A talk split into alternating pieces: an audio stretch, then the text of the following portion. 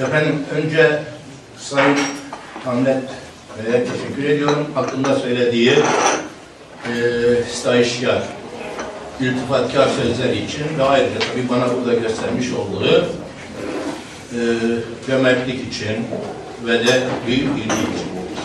Sonra sizlere teşekkür ediyorum. Benim için bir şeref sizlerle birlikte bulunmak. Bu kadar seçkin, yüz yüze bir topluluğa hitap edebilmek benim için bir şeref. Ee, evet, biraz bugün size Mezay'dan bahsetmek istiyorum.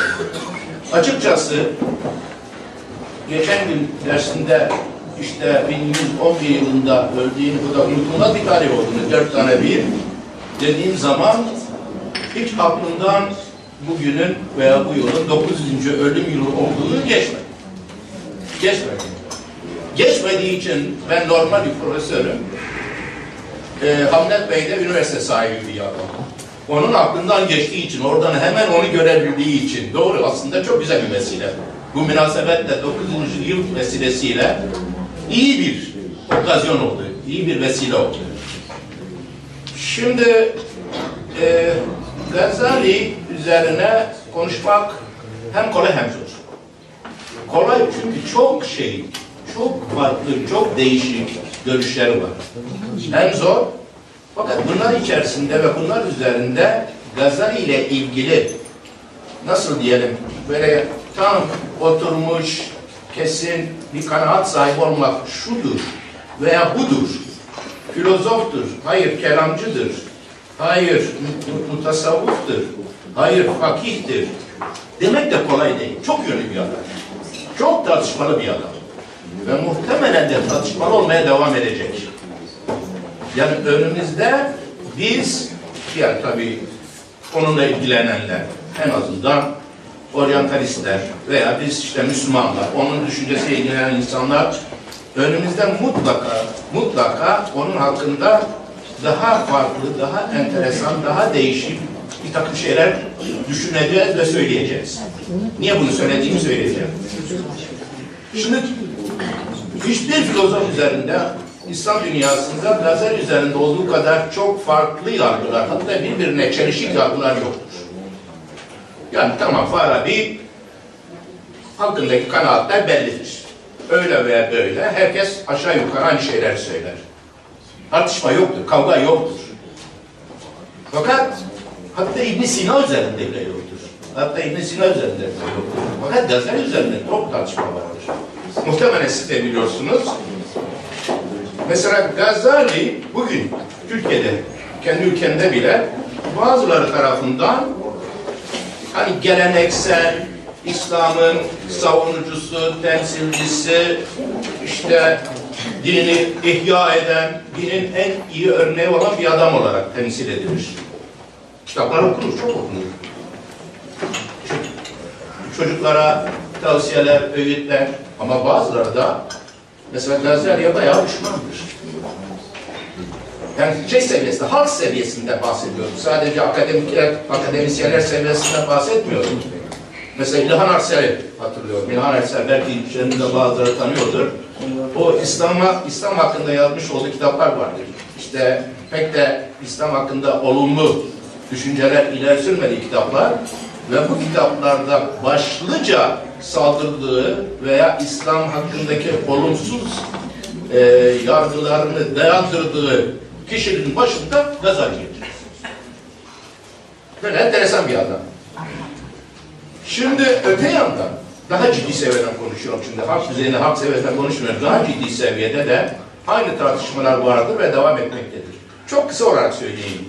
Şimdi mesela geçen yüzyılda, geçen yüzyılın başlarında Zaho diye bir bilim tarihçisi Avusturyalı şöyle bir cümle sarf etmiştir. Önemlidir.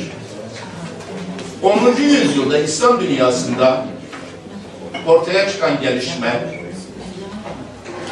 eğer Eş'ari ve Gazali tarafından daha doğrusu Eş'ari ve Gazalici zihniyet tarafından engellenmemiş olsaydı Müslümanlar Galileleri, Keplerleri, Kopernikleri yetiştirebilirlerdi. Bu bir Avustralya'nın tarihçisi sözü. Burada ne anlıyoruz? Gazali'nin İslam dünyasında akılsal ve ilmi çalışmalar bakımından son derece olumsuz, menfi bir rol oynadığı sonucunu çıkarıyoruz burada.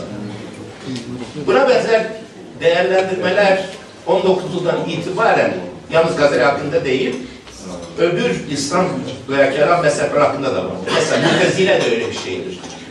19. yüzyılda Mutezile grubu, kelamcı Mutezile grubu ilk ortaya çıktığında e, Batılılar tarafından çok büyük bir ilgiyle ve de alkışla selamlanmıştır. Hatta onunla ilgili olarak yazılan bir kitabın adı da Freidenker. Yani free thinker. Yani İslam'ın rasyonalist, akılcı, ilk düşünürleri. Oysa ki mutezilenin bir bakıma tamam rasyonalist olması doğrudur. Ama öte yandan hiç de doğrusu özgür düşünceli, serbest düşünceli, yani kelimenin şey anlamında tabii, libre Fransız, Fransız anlamında kullanmıyorum. Bir yalan yok çünkü Abbasiler döneminde meşhur Kur'an'ın yaratılmış olup olmadığı meselesi üzerinde Halife Memun tarafından başlatılan ve mihne olayı diye adlandırılan devletin baskısıyla Müslüman ulemanın belli bir görüşü zorla kabul ettirme yönünde devlet baskısının kullanıldığı bir olayında ne diyelim temsilcilerdir. Yani bunun da bir özgür düşünce, serbest düşünürle hiçbir ilgisi yoktur. Hatta aynı şey İbn-i Rüşd için de konuşulur. Şimdi tahmin edeceğiniz gibi Müslüman dünyasında yapılan tartışmalarda İbn-i Rüşd ile Gazali uzunca bir süre birbirinin karşısına konmuştur. Yani Gazali tırnak içinde konuşuyorum, gericiliğin, gelenekçiliğin, muhafazakarlığın temsilcisi bir adam. İbn-i Rüşd ise akılcılığın, bilimciliğin temsilcisi olan bir adam var. Birbirlerinin karşısına. Hala konulmaktadır. Büyük ölçüde hala konulmaktadır. Yani Türkiye'de bu tartışmalar yapıldığı zaman mesela İslam niye geri kaldı, Orta Çağ'da bu kadar yüksek bir medeniyetti, Müslümanlık, neden bunlar geri kaldık soruları konuşulduğu zaman iki tane deyim yerindeyse sembol üzerinden tartışmalar yapılır. Gazali gericiliğin, akıl dışıcılığın temsilcisi, buna karşılık İbn-i de akılcılığın, bilimciliğin temsilcisi olarak tartışılır. Şimdi bu fazla basit bir şemadır. Bu çok fazla basit bir şemadır ve tabii değişmektedir. Değişmektedir bu. Ha bunun nedenlerinden birisi de bildiğiniz gibi Orta Çağ İslam dünyasında felsefe alanında yapılmış olan en yüksek düzeydeki bir tartışmanın iki temsilcisinin Gazali ile İbn Rüşd olmasıdır. Gazali yine bildiğiniz gibi ünlü bir eser, çok ünlü bir eser yazar. Filozofların tutarsızlıkları ve çelişkileri, Tahavvütül Felasife. Ve bu kitapta işte İbn Sina ve Farabi'yi ve onların daha gerisinde de Aristoteles'in görüşlerini, daha doğrusu Yunan tarzı felsefe hareketini şiddetli bir şekilde yargılar. Haklarında son derece olumsuz yargılarda bulunur. Bu bir polemik eserdir, tartışma kitabıdır. Burada hatta 20 tane mesele vardır. 20 büyük mesele vardır. Bu 20 büyük meselenin üçünde üçünde İbn Sinacı, Aristotelesçi görüşlerin İslam dininin temel bir takım inançlarına, akidelerine aykırı olduğu için İslam'a tümüyle aykırı ve bunları ileri sürenlerin tekfir edilmesi yani kafir ilan edilmesi gerektiği hakkında yargıda var. Üç konu. Evrenin kıdemi yani zaman içinde meydana gelmemişliği yani yaratılmamışlığı. İkincisi Tanrı'nın bilgisinin evrendeki cüz'iyatı içine alıp almadığı yani Zeyd'i, Ahmet'i, Hasan'ı onun bireysel fiillerini bile bilmediği. Üçüncüsü de işte felsefede haşr eksat denilen mesele ve mehat denilen mesele. O da cesetlerin yani bedenlerin kıyamette yeniden dirilip dirilmeyeceği meselesi. Ruhlar zaten kimse onların ölümsüz olduğuna itirazı yok.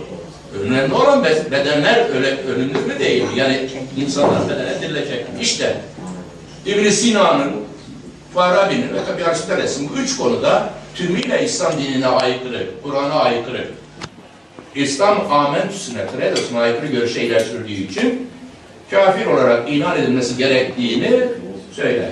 Bu hukuki bir görüştür aynı zamanda. Fakat bunun hemen arkasından bunları kimsenin alıp da idam ettiğini düşünmeyin. İslam dünyasında görüşlerinden ötürü idam edilen hiçbir filozof yoktur. Görüşlerinden ötürü idam edilen hiçbir filozof yoktur. Görüşlerinden ötürü idam edilen mutasavvuf vardır.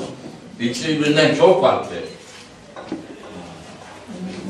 Aradan daha fazla uzun zaman geçmeden de bir başkası İbn-i Teymiye'de Gazali'yi görüşlerinden ötürü tekfir eder. O da onu kafirden eder. Bunların da İslam dünyasında çok fazla kıymeti harbiyesi yoktur. İslam dünyasında dini konularda yetkili, karar verme merci olan bir kimse olmadığı için İslam dünyasında insanların birbirlerini tekfir etmeleri ve birbirlerini doğru dini temsil eden insanlar olarak ilan etmeleri herhangi bir pratik sonuç taşımaz. pratik sonuç taşımaz, hukuki sonuç taşımaz. Neticede o onu ileri süren ve o görüşe inanan insanların deyim yerindeyse kendi bireysel görüşleri olarak devam eder. Oysa ki Batı dünyasında söylememe gerek yok. Kilise dini konularda doğru görüşün, ortodoksanın ne olduğunu karara bağlama gücüne sahiptir ve bunu aynı zamanda da uygulama gücüne sahiptir, uygulatma gücüne sahiptir. Örnekler vermek istemiyorum. Evet. Şimdi demek ki Gazali'nin böyle bir şeyi var. Böyle bir felsefeyle ilgili deyim yerindeyse kötü bir şöhreti var. Fakat bir yandan bu kitabın kendisi de İslam dünyasında yazılmış olan en aklı başında felsefe kitaplarından birisidir. Yani en yüksek düzeyde felsefi tartışmaların içinde cereyan ettiği kitaplardan birisidir. Konu bitmedi. Bitmedi. Öbür yandan İbn Haldun'u biliyorsunuz. İbn Haldun Gazali'yi tam tersi bir şeyle suçlar. Neydi biliyor musunuz? Kelamın içerisine felsefeyi sokmakla suçlar. Yani bazıları Gazali'nin İslam dünyasında felsefeyi engellemekle, felsefeyi değersizleştirmekle, diskredit yapmakla suçlarken İbn Haldun gibi son derece bir adam ki ben onun yanındayım. Ben onun görüşünü savunuyordum. Tam tersini savunur ve de şöyle der, yani bu İslam dünyasında bu felsefenin kelama girmesinden mesul müsebbip Gazali'dir. İslam dünyasında felsefenin tasavvufa girmesinden mesul müsebbip yine Gazali'dir. Gördüğünüz gibi birbirine tamamen ters yargılar var. Ve açıkça ben size söyleyeyim, en azından tarihsel kültürel olarak, yani görüşlerinin üzerinde herhangi bir analize girmeksizin, İslam dünyasında kelamın felsefeleşmesi olayının müsebbibi Gazali'dir. Peki o zaman kadar kelam felsefe değil miydi? O zaman kadar kelam felsefeydi ama kelamın gerek amacı bakımından amacı sadece İslam dinini savunmak veya İslam dinine aykırı olduğu düşündüğü bir takım teorileri çürütmedik.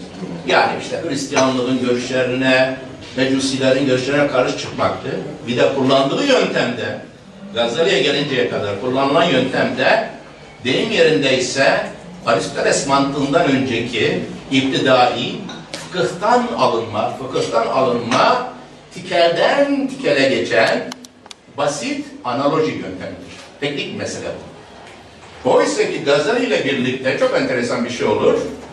Gazali bir taraftan Yunan felsefesine ve filozoflarına, onların tezlerine ve iddialarına karşı çıkarken, öbür taraftan deyim yerindeyse eleştirdiği, son derece eleştirdiği ibn Sina'nın görüşlerini İslam dünyasında ulama içerisine, entelektüellerin arasına en fazla yayılmasına, derinliğine inmesine neden olur. Bunun sonucu şudur. Bunun sonucu şudur. Bundan sonra İslam dünyasında yazılan kelam kitaplarında, Gazali sonrasından bahsediyorum. Felsefe, bizzati felsefe, dar anlamda felsefe, felsefenin tezleri, Yunan tarzı felsefe, Aristoteles'in görüşleri, İbn Sina'nın görüşleri gitgide daha fazla yer işgal etmeye başlar. Mesela birkaç örnek vereceğim size. Gazali sonrası kelamından, özelliklerinden. Mesela Fahrettin Razi. Bak, Nasreddin Tusi. Biraz da ileriye gidiyorum. İyici, Mevakıf diye bir eserin, çok kalın, çok hacimli bir eserin, bir klasik kelam el kitabının müellifi. Onun şerhini yapan Cürcani, Şerh-ül Mevakıf. Şimdi bunu okuduğunuz zaman, ben okudum. İçinizde muhakkak görenler de vardır. Dar anlamda kelama ait spesifik meselelerin, o eserlerin onda birinden daha az yer tuttuğunu görürsünüz. Geri kalan mesele nedir? Bugün herhangi bir klasik felsefe el kitabında, bir felsefeye giriş kitabında neleri görürseniz onları görürsünüz. Bir felsefe ansiklopedisi. Bilgi nedir, varlık nedir, töz nedir, ilinek nedir, fizik, metafizik, inanılmaz bir şeydir. Yani karşınızda artık kelam kelam olarak yoktur. Kelamın tezleri bir tarafta durur, biraz yabancı olarak. Filozofların İbn Sina'nın vesaire tezleri, görüşleri de öbür tarafta daha büyük bir hacim olarak durur. İkisi de böyle yan yana tuhaf bir şekilde birbirine bakarlar. Onun için İbn Haldun son derece bir şekilde der ki, kelamın felsefileşmesinden sorumlu olan Gazali'dir. Ve bunu menfi bir olarak söyler. Çünkü İbn Haldun'a göre teoloji felsefe değildir. Teolojinin amacı doğrudur. Teoloji sadece bir savunmadır, bir apolojidir. Neyin savunmasıdır? İslam'ın çeşitli konulardaki bir takım görüşlerinin akıl yoluyla, söz yoluyla, argüman yoluyla kıyas olarak savunmasıdır. Hatta şunu şimdi artık İslam'a karşı çıkan, bu unsurlara, bu dogmalara, bu akidelere karşı çıkan kimse yok ki artık kelamın bir varlık nedeni olsun. İbn Adına göre kelamın artık varlık nedeni yoktur. Zaten varlık neden olmadığı için gitmiş felsefenin alanına girmiştir ve felsefeleşmesidir. Görüyorsunuz bu da tamamen ters bir arada bulunuyoruz. Gazali İslam dünyasında felsefeyi ortadan kaldıran, engelleyen bir adam mı? Yoksa tam tersi İslam dünyasında felsefeyi hatta kelam içerisine sokarak çok daha geniş bir biçimde İslam dünyasına nüfuz etmesi sağlayan bir adamdır. Bence ikincisi. Benim kanaatim öyle de ikincisi. Ha bu doğru yanlış. Yani İbn Haldun'un yaptığı analizde ben katılıyor muyum? O ayrı mesele. Doğru. Açık tasavvuf bize söz konusu. İbn Haldun'a göre tasavvuf Gazali zamanına kadar doğru bir yönde ilerliyor. Yani ne olarak ilerliyor tasavvuf? Tasavvuf bir ne diyelim? Yaşam biçimiydi. Tasavvuf bir dini içten yaşama hareketiydi. Tasavvuf bir nazariye, bir teori değildi. Tasavvuf bir metafizik değildi. Fakat Gazali ile birlikte tasavvuf içine bu sefer yine felsefe girdi. Ondan da sorumlu olan o. Neyi kastediyor? İbn Haldun 14. yüzyıl. İbn Arabi kastediyor. İbn Arabi'nin vahdet vücut teorisini kastediyor. Vahdet vücut teorisinden bahsetmeyeceğim. Ama vahdet vücut teorisi hakikaten bir felsefi teori. Yani tasavvufun felsefeleşmesi diye bir olay var. Tasavvufun metafizikleşmesi diye bir olay var. O zamana kadar tasavvuf sadece bir yaşama hareketiyken, bir tür mistisizmken, burada teorikleşiyor, kitabileşiyor, sistemleşiyor. Tasavvufun bir metafiziği var, bir varlık öğretisi yani ontolojisi var. Tasavvufun bir bilgi teorisi var, bilgi teorisi var ve İbn Haldun'a göre bu da yanlıştır. Ama İbn Haldun'un yargısının bu kısmını bir tarafa bırakan diyelim ki tasavvuf sayesinde metafizik şeyin felsefenin tasavvuf sayesinde yine daha geniş halk kitlelerine inmesi, onlar tarafından felsefenin İslamileşmesi, deyim yerindeyse İslam'la felsefenin barışması tasavvuf üzerinden mümkün olmuştur. Daha basit bir şekilde söyleyeyim. Felsefe tasavvufa dilini vermiştir. Dilini vermiştir. tasavvuf da felsefeye toplumsal meşruiyetini ve toplumsal zeminini sağlamıştır. Ha, bu kültürel bakımdan son derece önemli olanmış. Şimdi demek ki üzerinde çok tartışma var. Benim şimdi bizatihi Gazali üzerine birkaç konuda görüşüm belirtmek istiyorum. Gazali benim değerlendirme tarzım şu. Yani tutup da Gazali bir fıkıhçı olarak değerlendirmeyeceğim. Gazali'nin felsefi olmayan cihetleri beni şu anda hiç ilgilendirmiyor. Hatta oralarda Gazali'nin normaldir. Yani bir ortaçağ filozofu için bir Augustinus gibi bir taraftan filozof, bir taraftan tefsirci, bir taraftan nasihatçı, bir taraftan ahlakçı, hatta bir taraftan da başka olan bir adam olduğunu biliyorum. Şimdi Gazali çok enteresan bir adam. Gazali modern bir adam. Söylemek istediğim şey bu. Benim kanaatime göre Gazali hem deyim yerindeyse eee bilgi teorisinde daha modern hem din felsefesi konusunda Gazali daha modern din felsefesi konusunda din konusunda değil. Din felsefesi konusunda daha modern. Evet. Hem de bizzat felsefe konusunda daha modern. Özetliyorum. Felsefenin ne olduğu hakkındaki Gazali'nin görüşü bugün bize daha yakın. Bu bana daha modern. Dinin ne olduğu konusundaki görüşleri bugün bize daha yakın. En azından bana daha yakın. Veya benim gibi düşünenlere çok daha yakın. Üç, evet, felsefe, din ve nihayet e, bilimin ne olduğu konusunda, ilimin ne olduğu konusunda görüşler daha modern. Üç şey, gerek science, gerek religion, gerekse filozofi hakkında görüşler daha modern. Neye göre daha modern? Mesela hiç şüphesiz söyleyeyim. Yunan tarzı felsefe hareketini temsil edenlere göre çok daha modern. Ne demek istiyorum daha modern? İşte onu çok kısa olarak göstermeye çalışacağım. Önce felsefe hakkında düşünelim. Şimdi çok özet olarak söylüyorum. Bildiğiniz gibi İslam filozofları derken kastettiğim Farabi İbn Sina felsefe hakkında deyim yerindeyse çok holist, çok monolitik bir anlayışa sahiptirler. Yani bu şu demek. Felsefe ilimdir. Felsefe ilimdir. Felsefe ilimdir. Ve ikinci görüş, filozoflar arasında herhangi bir görüş ayrılığı mümkün değildir. Üç, bak bunların hepsi bugünkü tarihi tecrübelerimize, bildiğimize, anlayışımıza göre oradayız. Bir, felsefe bilim değildir. Felsefenin önermeleriyle, felsefenin propositionlarıyla, felsefenin şeylerle, sözleriyle bilimciler arasında hiç uzaktan yakından bir benzerlik yoktur.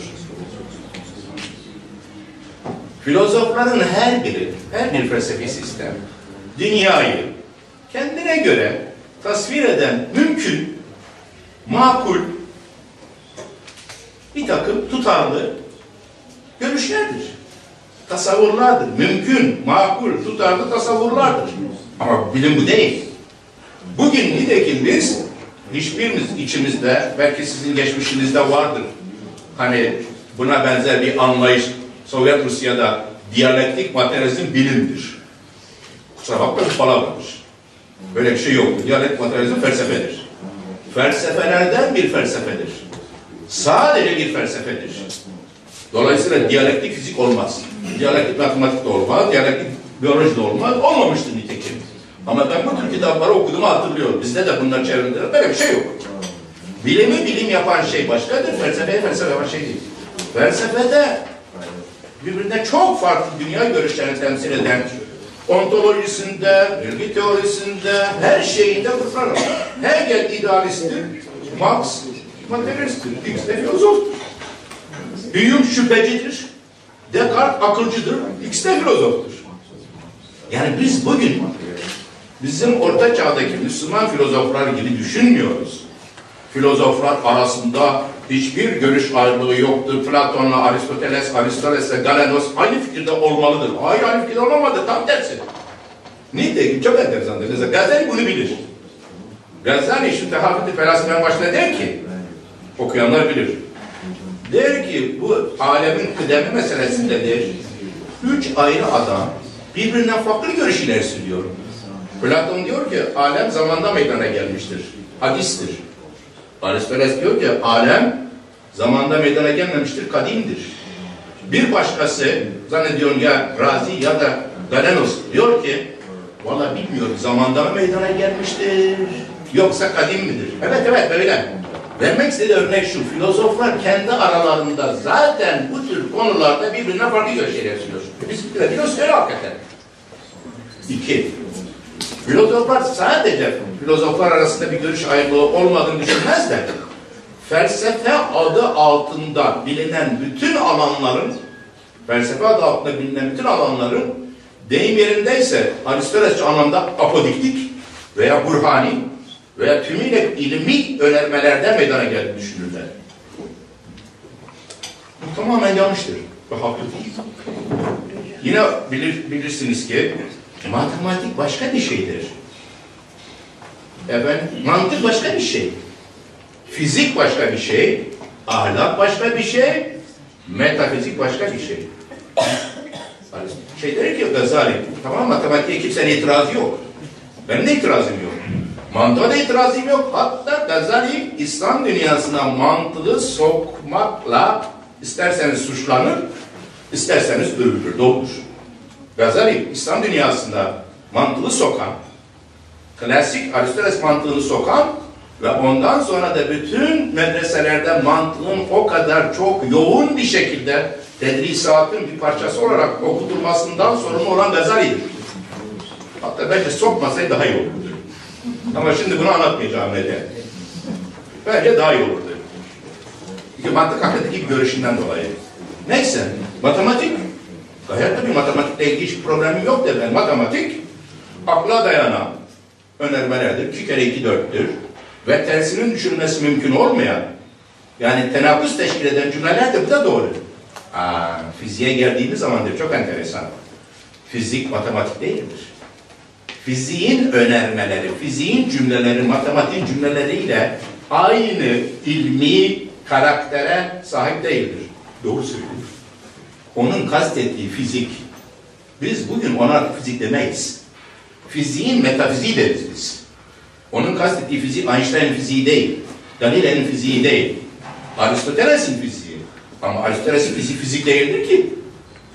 Aristoteles'in fiziği, tekrar ediyorum, açıklamayacağım bir metafiziktir.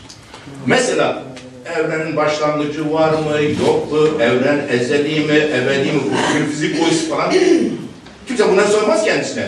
Fiziğin konusu fiziksel olarak gözlemlenebilir, olaylar arasındaki münasebetlerin tahkik edilebilir münasebetlerin incelenmesi. Fizik budur. Bilmem anlatabiliyor muyum? Fizik budur. Oysa ki oradaki fizik o fizik değil. Gelelim metafiziğe. Metafizik nedir? Gazali'ye göre metafizik tümüyle deyim yerindeyse kendi ifadesiyle söyleyelim. Bir tahminat, bir tahayyülat, bir tasavvurattır.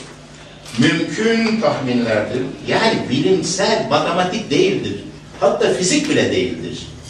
Tutup da felsefenin çeşitli alanlarının, çeşitli disiplinlerinin aynı değere sahip olduğunu iddia etmek doğru değildir. Ve Gazali haklıdır. Ve Gazali haklıdır. Bugün aynı şeyi düşünüyoruz. Yani bizim felsefe hakkındaki bugün anlayışımız Gazali'nin anlayışına daha yakın. Filozofların anlayışı ise Marksistlerin anlayışına daha yakın. Felsefe monoblok bir bilimdir. Bu bilim de diyalektik materyalizmdir. Bu sözlerin hepsi işte diyorum ya bir zamanlar vardı onlar işte diyalektik fizik, diyalektik biyoloji ben de merak ederdim. Diyalektik tıp, muhtemelen diyalektik ameliyat. Nasıl olacak bunlar ben merak ederdim. Şimdi aklına serbestçe söyleyebilirim için herhalde burada bir tehdit ve bir tehlike teşkil etmez herhalde aranızda. Yani bunlar insanlığın deyim yerine çocukluk çağından kalma cümlelerdir. Ha gerekli felsefe değerlidir, evet. Bir bakış açısıdır, evet. Dünya hakkında felsefi olarak değerli, yüksek düzeyde bir kavrayış mıdır? Evet, ama sadece odur. Zaten başka şey olması da gerekmez. Bugün de insanların bir kısmı hala Marksist olmaya, tarih felsefesi bakımından Marksist tarih olabilirler. Buradaki problem yok. Gelelim ikinci konuya. Daha enteresan bir şey size söyleyeyim. Bu demek ki felsefe hakkındaki doğru anlayış. Gene din hakkındaki anlayışlar. İslam filozofları dinin ne olduğunu anlamamışlardır. Dinin ne olduğunu bilmiyorlardır. Nereden çıkıyor bu? Dinin ne olduğunu bilmeyi şuradan yatıyor. Felsefe ile din bir aynı şeydir diyorlar. Bakın çok enteresan. Felsefe ile din bir aynı şeydir. Ama felsefe ile din arasındaki fark şudur. Din, felsefenin ilmi olarak tespit ettiği, kesin olarak bildiği burhani hakikatlerin halkın, ammenin, avamın anlayış düzeyine indirilmiş ifadesidir. Din bir şiirdir. Din bir şiirdir. Hadi din bir şiirdir lafı çok güzel bir laf aslında. Modern dünyada da dinin şiir olduğunu söyleyenler var. Ama filozofların kastettiği bu değil. Yani modern dünyada dinin şiir olduğunu söyleyenler ben de onların birisiyim. Ama bu anlamda şiir değil. Bunun kastettiği şey şudur. Bir bilimsel doğrular vardır, felsefe temsil eder. Bir de o bilimsel doğrulara erişme imkanına sahip olmayan insanlar için verilen bir takım ne diyelim? Sembolik. Heh, çok güzel. Sembolik bir takım ifadeler var. Yani başka bunun farkı çok açık söyler. Gayet açık söyler. Din popüler felsefedir. Cümlesi bu popüler felsefe dedi yani people için, halk için düzenlenmiş felsefedir. Popüler felsefe. Gerçek dindir. Şimdi gene size söyleyeyim. Farabi'ye kendini yakın hissedenler muhakkak vardır kendisini. Çünkü modern bir takım siyasi görüşleri ve modern bir takım felsefi görüşleri din gibi alanlar var. Onlar için o din olabilir. Ama din o değil. Peki dinin ne olduğunu söylemeyeceğim. Benim din hakkında bir takım görüşlerim var. Ama dinin bu olmadığı belli. Şimdi enteresan işte bir şey söyleyeyim. Çünkü gene ayrıntıya girmeyeceğim. Şimdi dinin temel kavramı imandır biliyorsunuz. Söylememe gerek yok. Dinin temel kavramı imandır. Oysa ki bizim İslam filozoflarında iman imanla ilgili en ufak bir düşünme, tahlil, anlayış yoktur. İman, faith anlamında, fua anlamında kastediyorum, iman. Bilif anlamında iman kastetmiyorum. Hangi anlamda kastediyorum? Yani sembolü Hristiyanlığın kendisindeki ne olduğu sorulduğu zaman Hristiyanlık Sempol'ün şeyinde, Resullerin aktarından, havarilerin işlerinde söylediği anlamda söylüyorum. Yani Hristiyanlık imandır, umuttur ve sevgidir anlamında imandır. Şimdi bakın, iman meselesi Yunan'da yoktur. Yunan'da iman meselesinin olması da imkan yoktur. Çünkü Yunan'da kendisine inanılması gereken, iman edilmesi gereken bir din yoktur. Ve İsa ile ilgili hikayelere girmeyeceğim. Ama bu kadar size söyleyeyim. İman hakkında yapılabilecek şey, iman, aklın yetki alanı içinde olmayan, akılla da çok fazla ilgisi olmayan ama illa akla aykırı olması da gerekmeyen, ama insanın kendi iradi onayından, tasdikinden kaynaklanacak olan bir ruh fiilidir. Bakın ne diyor? Yani matematiğe iman etmezsiniz. Bize de kimse iman etmez. Yani üçgenin iç açılan toplamının 180 derece olduğunu biliyorum dersiniz. İman ediyor musun? Ne alakası var? Bunun imanla ne ilgisi var? Bu demek değildir ki her bilgide belli bir inanç yoktur. Ama bildiği bilgi yapan o inanç unsuru değildir. Uzun uzun konuşmayacağım bu konuda. Fakat şunu söyleyeyim. Dinin esası imandır. İnanmadır. Hani bir şeyin söylediği gibi, bir tertiplanısın söylediği gibi saçma olduğu için inanıyorum anlamında inan olması zorunlu değildir. Ama yine Sempon'un söylediği gibi, yine Sempon'un söylediği gibi iman Yunan filozofunun akla dayanan bilimlerinin anladığı anlamda tırnak içinde söylüyorum saçmadır. Çünkü tahkik edilemez. İmanda özne çok önemlidir. İmanda öznenin kendisinden, ruhundan kaynaklanan asantiman, tasdik çok önemlidir. Şimdi İslam felsefesinde de bu yoktur. Kusura bakmayın. Müslümanlar da pek iman meselesine girmez. Bunu da size söyleyeyim. Ama içlerinde gene iman meselesine en fazla yakın olan Gazali'dir. Müslümanlar imanla çok ilgilenmez. Çok enteresan. Mesela şu sorular sormazlar kendilerine. Müslüman derken kastettiğim kelamcılar. İman nedir? Bilgiden farkı nedir? Niçin vardır? Hangi ihtiyacımızı karşılamaktadır? Hayır böyle sorular sormazlar. Müslümanlar bilinen olaylardan doğru şunu sorarlar. Mümin kimdir? Ama mümin kimdir sorusu metafizik bir soru değildir. Fıkhi bir sorudur. Bu çok önemli bir şeydir. Hatta mümin kimdir de sormazlar. Kafir kimdir? Neden? Çünkü iman İslam'da aynı zamanda hukuki ve politik bir temel değerdir. Oysa ki, oysa ki Hristiyanlıkta iman ne politik bir değerdir ne hukuki bir değerdir. İman tamamen ruhsal psikolojik bir değerdir. Bu ne demektir? Yani eğer adam mümin değilse Müslüman ümmetin içinde yeri yoktur. Eğer adam mümin değilse malı helaldir. Bu çok önemli mesele. Meselenin bu mesele çok önemli. Gazali bile bu böyle bakar meseleye. Mesele fıkıh meselesidir. İmanın fıkıhla ilgisi yoktur. Hukukla ilgisi yoktur. Çünkü iman tekrar ediyorum bir ruh halidir, bir iç haldir. Zihinsel haldir. Ama gene de ama gene de İslam dünyasında iman ile bilgi arasındaki ilişkileri en üst düzeyde inceleyen adamlardan birisi deyim yerindeyse Gazali'dir. Diğeri Maturidi'dir. Bunlar şöyle derler. Bunlar derler ki tamam bilgi imanın başlangıç noktasıdır. Bilgi imanın nedenidir. Ama bilgi iman değildir.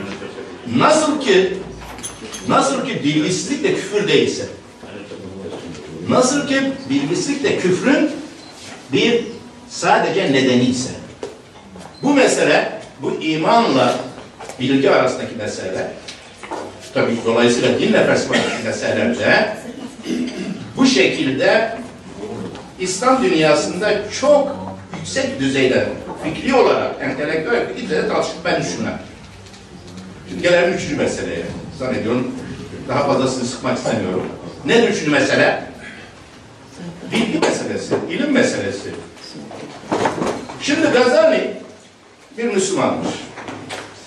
Bir Müslüman olarak her şeyin Tanrı tarafından yaratıldığını düşünmüş. Normal. Agustinus da böyle düşünmüş. Hristiyan da böyle düşünmüş. Bir Hristiyan da bir Müslüman bir bundan dolayı dünya yaratmış olduğunu düşünürler, ezeli olmadığını düşünürler. Çünkü dünya ezeli ise Tanrı'ya gerek yoktur. Bu kadar basit. Eğer dünya ezeli ise Tanrı'nın yanında Tanrı kadar ezeli başka varlıklar vardır. Madde ve evren. Yunan felsefesinde Tanrı kavramı, Yunan felsefesinde diyorum. Yunan felsefesinde Tanrı'nın görevi bir akıl olmaktır. Akıl olarak da ister Gazal şeyde olduğu gibi, Aristoteles olduğu gibi gain eden, final cause olarak evrenin kendisine doğru gittiği ve dolayısıyla evrenden düzenini alan bir nedendir. İsterse fail nedendir ama sadece ve sadece evrene ilk hareket verdiren bir nedendir. Ayrıntıya girmiyorum. Ama yaratıcı neden değildir. İki, Yunan felsefesi genel olarak konuşuyorum. Şimdi anda genel olarak konuşuyorum.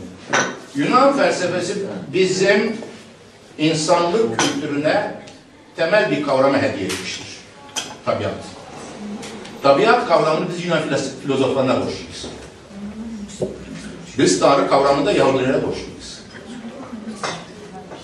Biz insan kavramını ise Hristiyanlara borçluyuz. Ayrıntıya girmiyorum. Üç temel kavramı üç temel kavramı konsept. Bunlara borçluyuz. Şimdi dolayısıyla Yunanlar tabiatın kendisini deyim yerindeyse Tanrı yerine koyarlar. Tabiatın kendisi Tanrı'dır. İşte en basiti onlara göre Aristoteles'ten çok basit bir örnek veriyorum. Eşyanın tabiatı vardır. Bugün de kullanıyoruz. Eşyanın tabiatı vardır. Ateşin tabiatı vardır, yakmaktır. Suyun tabiatı vardır, boğmaktır. Dumanın tabiatı yukarı doğru yükselmektir. Şimdi fakat bir Hristiyan ve bir Müslüman Tanrı'dan bağımsız bir tabiat fikrine sahip olamaz. Eğer her şeyi yaratan Tanrıysa ki olur. Bakın tekrar ediyorum. Tanrı'dan bağımsız bir tabiat fikrine sahip olamaz. Tanrı sadece varlığı vermez, varlıkların tabiatlarını da Tanrı verir. Mahiyetlerini de Tanrı verir. Şimdi İslam felsefesinde daha doğrusu kelamında bu biraz aşırıya götürülmüştür. Bildiğiniz gibi. Sırf Tanrı'nın evren üzerindeki hükümranlığını tesis etmek için eşyanın kendisinden her türlü tabiat kaldırılmıştır. Eşyanın tabiatı yoktu kelamcılarda. Yani ne demek? Ateş yapmaz. Su boğmaz. Tanrı sadece Tanrı sadece evreni bir defaya mahsus olmak üzere başka yaratmaz kelamcıya göre. Eşari kelamcılarına göre. Tanrı evreni sürekli olarak yaratır ve yeniden yaratır. Yani Tanrı önce ateş atomunu yaratır. Sonra ateş atomunda yanma arazının niteliğini yaratır. Sonra ateş atomuyla su yan yana geldiği zaman suda da kaynama olayını yaratır. Dedim anladınız mı? Böyle bir diskret dünya, kesikli bir dünya. Kesikli bir dünya. Amaç ne? Kelamcının amacı ne? La havle ve la kuvvete illa billah. Ne demek istiyorum? Bu dünyada Tanrı'dan başka hiçbir varlığın ve la havle kuvvet, kuvveti yoktur. Puissansı yoktur. Gücü yoktur. Ne ateşin gücü vardır, ne suyun gücü vardır. Hiçbir şeyin gücü yoktur. E şimdi tabii hiçbir şeyin gücü olmayınca bütün onlara o güçleri Tanrı tarafından ve sürekli olarak verilmek zorundadır. Şimdi bu çok basit bir şey için kullanılır. Mucizeyi temellendirmek için aslında. Fakat mucizeyi temellendirmek için yapılmaz bu. Yani teori ta başında bunun için yapılmaz. Nitekim Gazali'nin taahhütte mucizeyle ilgili konulur. Şimdi eğer Yunan filozofuysanız ateşin doğası yapmaksa, insan vücudunun doğası da ateşle karşılaştığı zaman tabiatı yanmaksa ve ikisi arasında zorunlu bir münasebet varsa, değişmez, iktiran varsa o zaman ateş, ateş olarak kaldıkça Peygamber İbrahim yanmak zorundadır. Mucize mümkün değil. Bu sadece İslam dünyası problem değil, İslam dünyası için problem. Bunu bilin. Şimdi bundan kurtulmak ve Tanrı'yı evrenin tek müessiri, tek faili, tek kuvvet kaynağı olarak kabul etmek için evrende her türlü potansiyelite, kendiliğindenlik, yasa, muayyeniyet, nedensellik, sebebiyet kaldırmıştır. Yani bizim sebep olarak gördüğümüz şeyler sebep değildir. Bizim sonuç olarak gördüğümüz, sebep olarak gördüğümüz şeyler onlar da öyle değildir. Asıl sebep, tek sebep, biricik sebep Tanrı'dır. Şimdi bu tabii tuhaf bir düşünce. Ama felsefi olarak pekala savunulabilir. Şimdi Gazali'nin niyeti budur ama Gazali bunu kanıtlamak için bugün de gerek bilim haktat teorisi bakımından fevkalade önemli bir düşünce ileri sürüyor. O da nedir? Nedensellik denilen şey, yani batı dili, kozaliti prensibi, kozaliti ilkesi, kozalite ilkesi ne akılsal olarak ne de müşahede ile tecrübe olarak kanıtlanamaz. Gazali haklıdır. İslam filozofları için bu bir skandaldır. Bir skandal, bir rezalettir. Ama Gazali haklıdır. Nereden biliyoruz? E çünkü bugünün dünyası da nedensellik ilkesinin David Hume'dan itibaren ne rasyonel olarak ne de ne de tecrübe olarak kanıtlanamayacağını kabul etmektedir. Bilim tarihçisi varsa içinizde veya bilim felsefecisi varsa bunu söyler. Meşhur bilim David Hume 17. yüzyılın 18. yüzyılın ünlü septik filozofu. Verdiği örnek Gazali'nin verdiği örneğin aynıdır.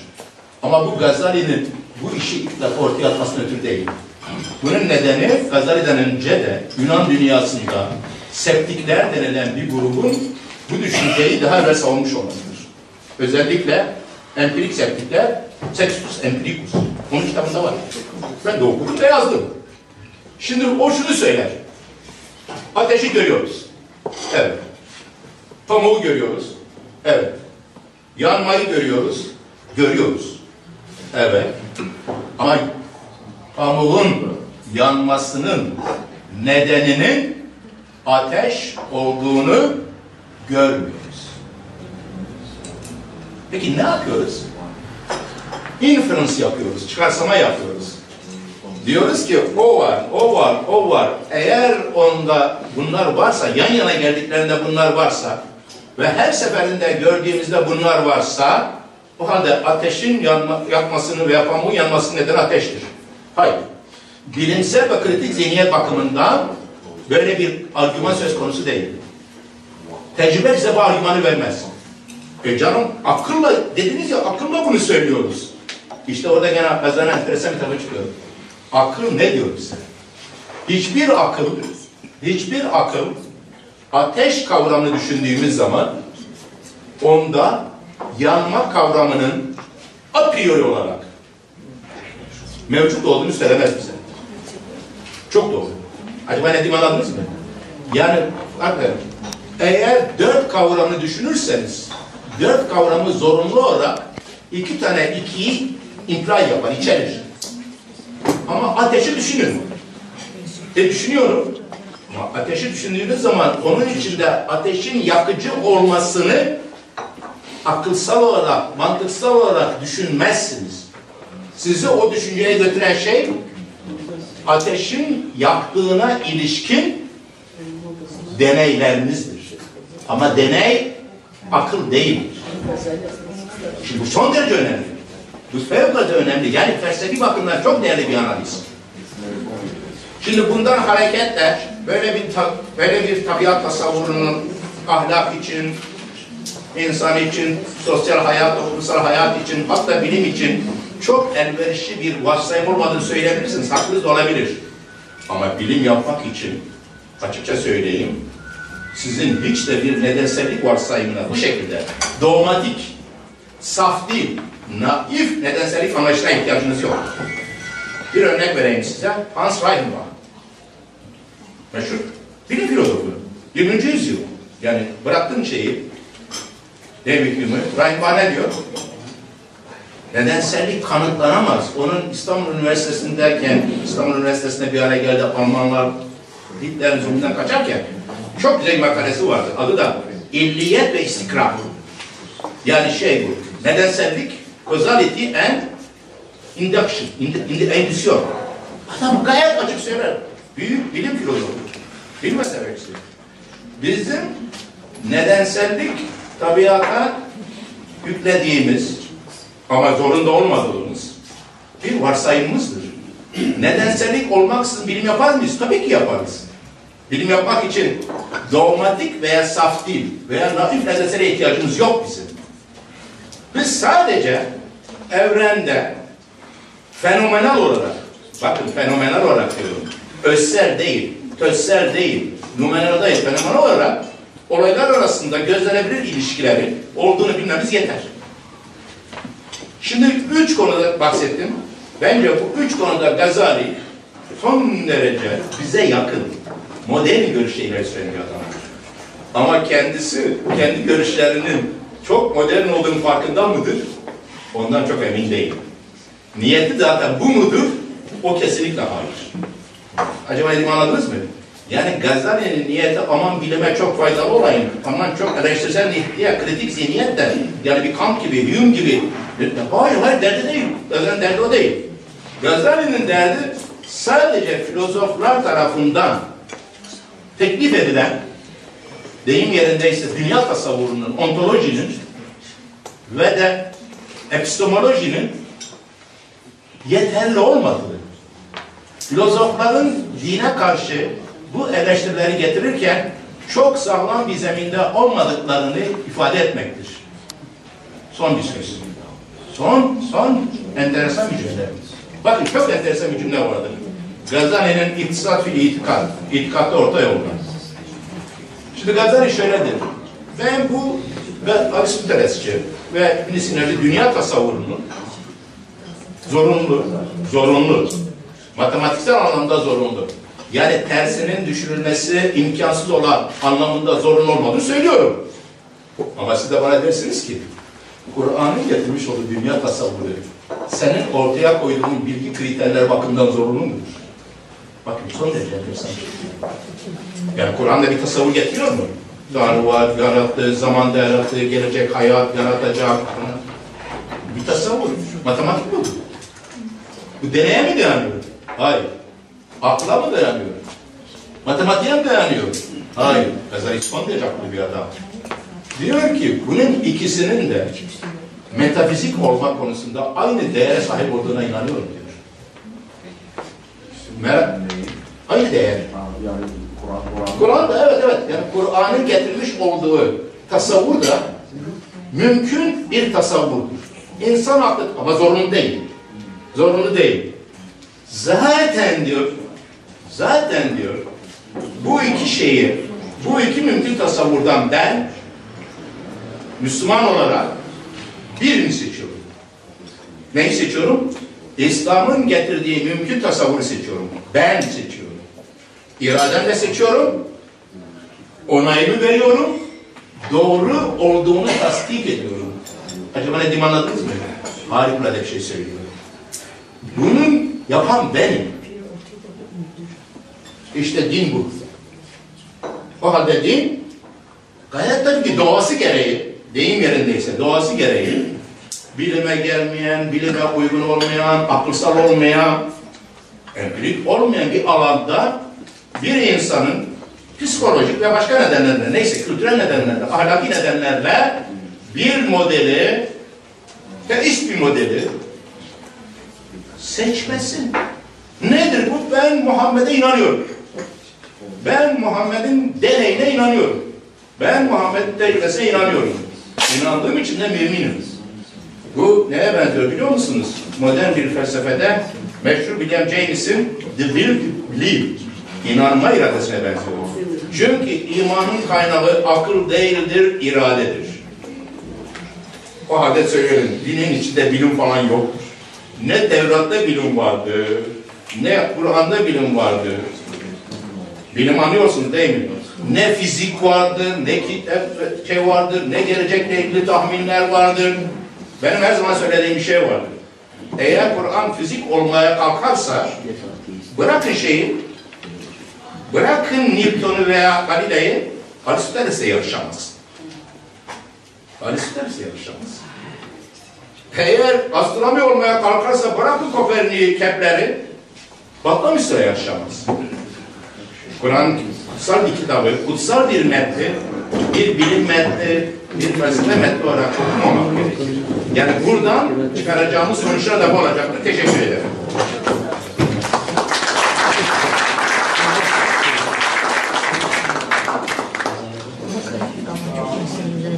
Çok teşekkür ederim.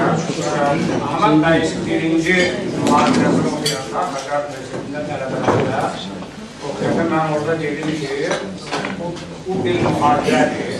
Bu muhabire bir semestr ola bilərdi, bir yıl da okuna bilərdi. Ama bir muhabirede okumaya mecburdur. Çünkü bir 7-8 muhabire içerisinde İslam felsefesi hakkında, İslam düşüncesi sistemi hakkında məlumat verilməlidir. Ee, Cezali onun əsərləri, onun gətirdiyi yediliklər, onun verdiyi tövbələr, onun təsirləri bu çox geniş bir mövzudur. Bu mövzuda monografiyalar yazıla bilər, burada bu çox şeylər görülə bilər. Amma bu e, qısa zamanda e, Ahmet Bey öz görüşünü, öz baxışını, Qazəlini necə görürlər?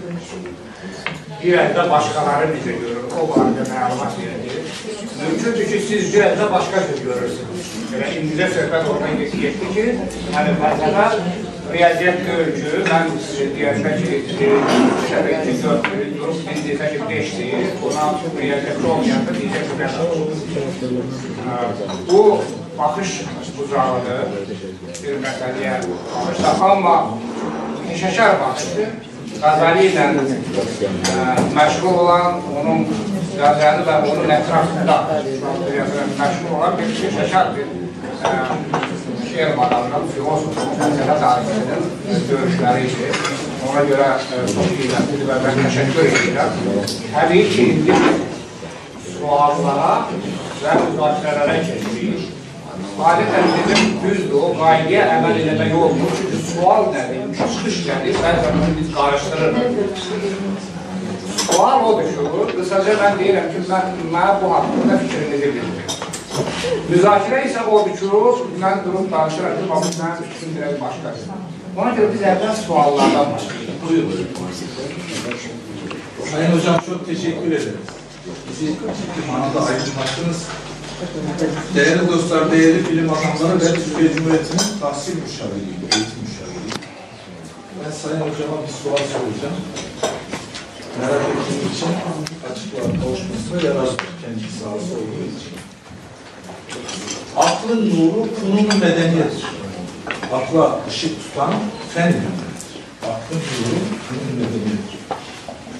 Vicdanın ziyası, vicdanı aydınlatan ulumu diniyedir. Vicdana ışık veren din ilimleridir. İkisinin mezziyle, ikisinin birleştirilmesiyle hakikat tevellüd edilir. Hakikat ortaya çıkar. Yalnız birincisinde, yalnız fen ilimlerinde çakılmaktan kile ve şüphe, virgül, Yalnız ikincisinden çakılıp kalmakla da bir ilimlerinde çakılıp kalmakla da tasvip O halde 2011'in felsefesi bana göre bu ikisinin beraberce din ve fen ilmi noktasında bir arada olup uçması. Size göre bunun Gazali ile paralelliği nedir? Bana göre bunun Gazali'yle hiçbir paralelliği yok. Velev ki Gazali söylemiş olsa bile. Bana göre din ilimleri diye bir şey yoktur. Bana göre vicdani ilimler diye de bir şey yoktur. Bana göre biraz daha söylediğim yönde ilim başka bir alandır, din başka bir alandır. İlimin alanı isterseniz matematik bilimler gibi aklın alanı ama hangi anlamda? Muhtevasız, içeriksiz. Orada şurayı karıştırmamak lazım. Din ilmi derken dinin üzerinde çalışmayı kastediyoruz. Sizin anladığınız anlamda ilim değil. O birincide. Güzel. O dakika. Ama Şimdi o başka. Şimdi, ama orada da sizin bu söylediğiniz birliktelik söz konusu olmaz. Yani dinin üzerinde çalışan, din tarihi, teoloji tarihi veya din psikolojisi bunlar ilimdir. Ama bunlar din değildir. Elbette. Ha, bunlar bilimdir. Yani din üzerinde çalışan bir adamın din üzerindeki yargısıyla dini yaşayan bir adamın dini yaşamasıyla ilgili görüşü birbirinden tamamen farklıdır. Elbette. İşte onu söylemeye çalışıyorum. Ama ama orada benim görebildiğim kadarıyla, benim ilmimin alabildiği kadarıyla, benim incelediğimin alabildiği kadarıyla de bir paralellik vardır. Ben görmüyorum. Siz niyetiniz görmek. Şöyle. Sizin niyetiniz de görmek Böyle yaklaşımda Hayır, hayır. görmek Evet. Evet. Çok çok May I tell a story as I understand it and ask for clarification with respect to uh, View? Yes. Uh, And I, I understand uh, European, the history of European thought better than Islamic, so I'll put it in European terms and you can clarify for me. Ben bazı şeyler olan bir sözünü anlamadım, aydınlaştırmak istedim ve ben aslında In these same centuries as uh, Al-Ghazali was uh, writing and working, there was uh, a shift in the European way of thinking about the relation between faith and reason. Qazan baxışına təsadüf edən proses bundan ibarət olmuşdur ki, e, dinlə elm arasında münasibətlərdə eyni yenilik yaradır. The great 11th century Norman uh, theologian and philosopher um, uh, Anselm is fam- famously said that his philosophical work was an, an exercise in faith-seeking understanding. Uh, which meant, of course, that from his and others' point of view, uh, reason had nothing to give to faith. Faith was sufficient unto itself. Right? Uh, But that changed. Ah, did you? Ə, Məsələn, ə, 11-ci əsrdə yaranmış ə, Anselm ə, ə, deməli ə, bildirir ki, ə, səbəb dinə heç bir dəyər yetirmir. Akıl, akıl, akıl, akıl, bizim akıl. Akıl dine, evet, evet, hı, hı, İman dili yaklayabilir ama ağıl imana bir şey getirir. evet, evet. So, uh, but by the by the 13th century, and um, Albertus Magnus and Thomas and so on, Yes. they believed uh, that uh, their philosophical work contributed to a richer Yes. faith, right? Yes. So it's a very different point of view, and they got Yes. this point of view in part from Yes. Ibn Rushd and uh, and Yes. Ibn Sina. 13-cü əsrdə isə yaranmış filosoflar düşünürlər ki, əksinə dinin anlayışına bir töhfə verilmiş ola bilər və bu fikir İbn onun yaradıcılığından da gəlir, çıxarılır və onunla da bağlılığı. But it was that um, increased uh, evaluation of the power of reason that many people argue contributed to the ultimate development of science and criticism in the West centuries later. Uh, and if that's the case, I, as I understand what you said, and Ghazali, uh, Ghazali, that's a move he did not make right? And if that's so, then how is it that Al-Ghazali has any kind of modern ring for us? I mean, it sounds like the critics of Al-Ghazali were right, that, that he set Islamic thought off in a faith-grounded direction as opposed to a reason-grounded direction. Əslində isə fəlsəfiyə, ə, əqlin dinə getirdiyi o əlavə dəyər ə, elmi düşüncəyə bir təkan vermiş oldu və əgər bunu biz ə, Qazalinin yaradıcılığına şamil etməsək, onda buna ə, qarşı tənqidi fikirlər ki, Qazali əslində ə, ə, elmi düşüncəsinin qarşısını almış bir mütəfəkkir kimi özünü göstərdi. Bu fikir deməli özünə bir bəraət qazanır. Beləliklə də burada biz o İslam dünyasında da elmi e, deməli, fikrin məhdudlaşmasını görürük. Evet, şimdi asıl son sorusu o değil. Son sorusu şu. Gazali modern görüyorsun, nesi modern? Yani bak, sen Toma, Marcel gibi adamların görüşleri bilimin sağlanması konusunda, bilime değer vermesi konusunda dinin içine aklı sokmak suretiyle dinin içine aklı sokmak suretiyle aklın değerini yükseltmek bakımından modern bilime giden yol açtı.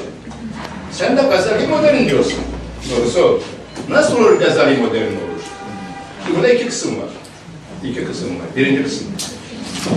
Bir, eee Hristiyan dünyasında iki görüş. Bir, inanıyorum çünkü saçmadır. İki, inanıyorum çünkü anlamak istiyorum. Ve anlayabileceğime inanıyorum diye iki görüş var. Absürt.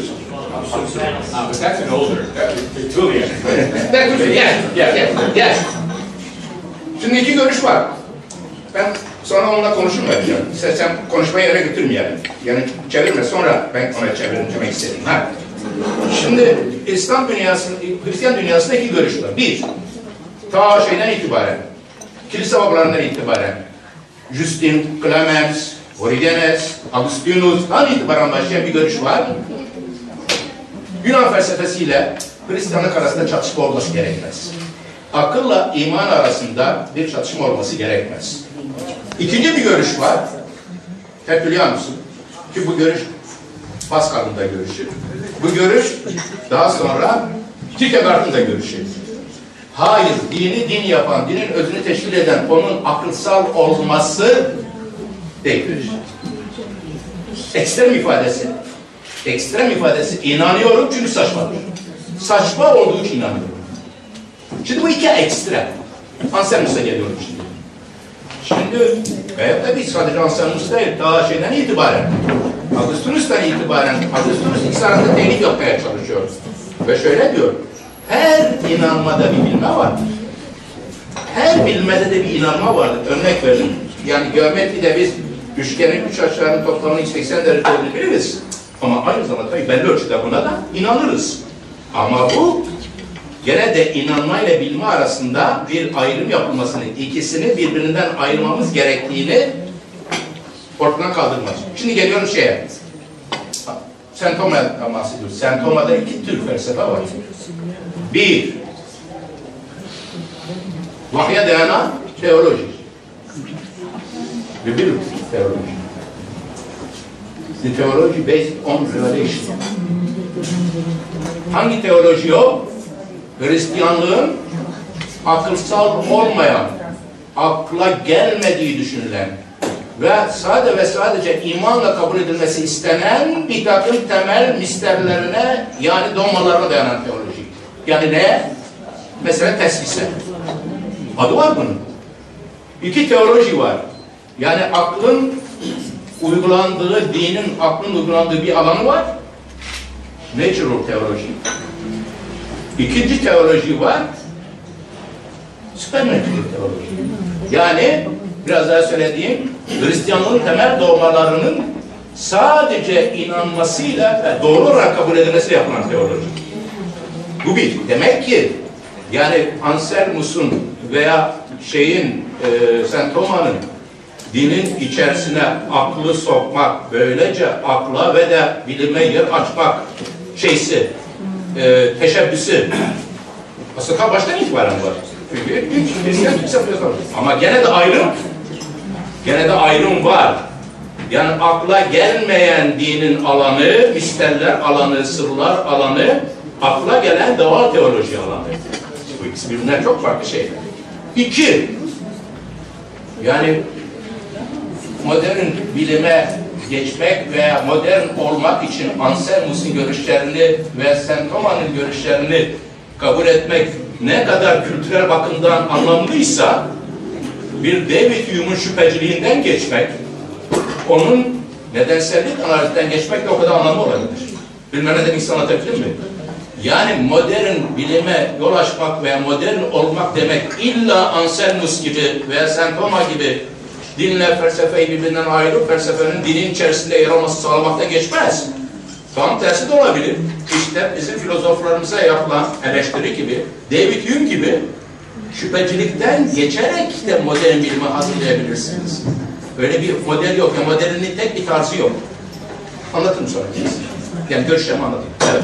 Bunlar burada bir Bunu çeviremezsin bize. Çeviremezsin bunu. Evet. Evet. Bu meseleye ait ben bir söz demək istəyirəm. Deməli, elm talimindən məşğul olan mütəxəssislər arasında da belə bir fikirdə dolaşır ki, yəni bu fikrin tərəfdarları var çoxdur. Ə, bilirsiniz ki, Qəzəli ə, çox istedadlı adam olduğu üçün onu Nizam Ülküc dəvət etdi. Və 1091-ci ildə onu Bağdad mədrəsəsinin baş, başında qoymağa mədrəsəsinin birinci rektor oldu. Və çox populyar qeyri-adi dərəcədə bir professor idi. Çox insanlar. Və bir qədər keçəndən sonra onun dünya haqqında düşünməyə başlayandan sonra dedi ki, bu doğru həyat deyil və axtı geçdi hardasa 95-də, hardasa 95-də, 96-da bir 4-5 il sonra mədrəsə həyatı, yəni universitet həyatı getdi, getdi, sofi həyatına. İyalətə getdi, gəldi, gəldi. Və hesab olunur ki, Əl-Qəzəlinin bu hərəkəti, bu hərəkət başladığı, onun təsəvvüra verdiyi o tövbələr, onu gücləndirilməsi, gücləndirilməsi mədrəsə sistemini zəiflədən əsas hərəkətlərdən biri olub. Hətta belə oldu ki, o uzun illər gedəndən sonra getdi Nişapurda bir dəfə, bir ili, hardasa təxminən 1106-da bir il, bir ilə yaxın dərs verir. Sonra gəlib səhv eləmişəm deyə bir onun bir məşhur çıxışı olub. O çıxışı sonra yazdılar, bütün mürabələrə göndərdilər ki, bəs görünlərləri nə danışır. Yəni, belə elm tarixində belə bir fikir var ki, yəni mən ə, tamam belə bir demirəm, amma belə bir gəzir dolaşır və onun tərəfdarları var ki, Qəzalinin ə, müzələndirilməsi, mədrəsəni tərk etməsi, sonra bu hərəkətin, yəni mədrəsədən təkiyyələrə doğru hərəkət, zəviyyələrə doğru hərəkət başladı. Yəni elmdən bu Kaçış. elmdən qaçış, yəni xalq fəlsəfəsi, belə deyilsin, xalq fəlsəfəsi, kütlələşmə fəlsəfəni müəyyən manada kütlələşdirmək. Bu elmə bir şeylər gətirdi. Mən düşünürəm ki, ümumiyyətlə İslam dünyasında elmin zəifləməsini bir səbəbdən, iki səbəbdən, üç səbəbdən izah eləmək olmur. Məsələn, dərin şeylərin heç vaxt səbəbi bir olmur. Çoxlu səbəblər bir-birindən tutarır. Səbəblərdən biri bu cür. Aydın xan, sonra Mail, sonra siz, sonra siz, dörd, dörd. Buyurun. Edirəm həmən arzu. Sual, sual mı yoksa çıxış mı verdiniz? Yox, çıxış. Sual, sual. Ancaq sual. Çıxış yox. Çıxış sonra.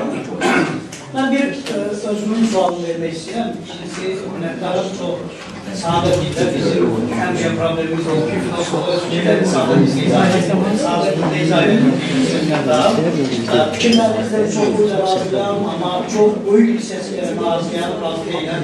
Fikirləşən bir qəzalı doğruda və İslam mədəniyyətli böhrana atılan şəxslərdən biri olur və şərqi elmi baxmadan şəxslərdən biri olur, istiqyarlar insan olur, şərqi bəlkə böhranı qoyanlardan biri olur. Gör insanda elə bilərdi və imkanı var da.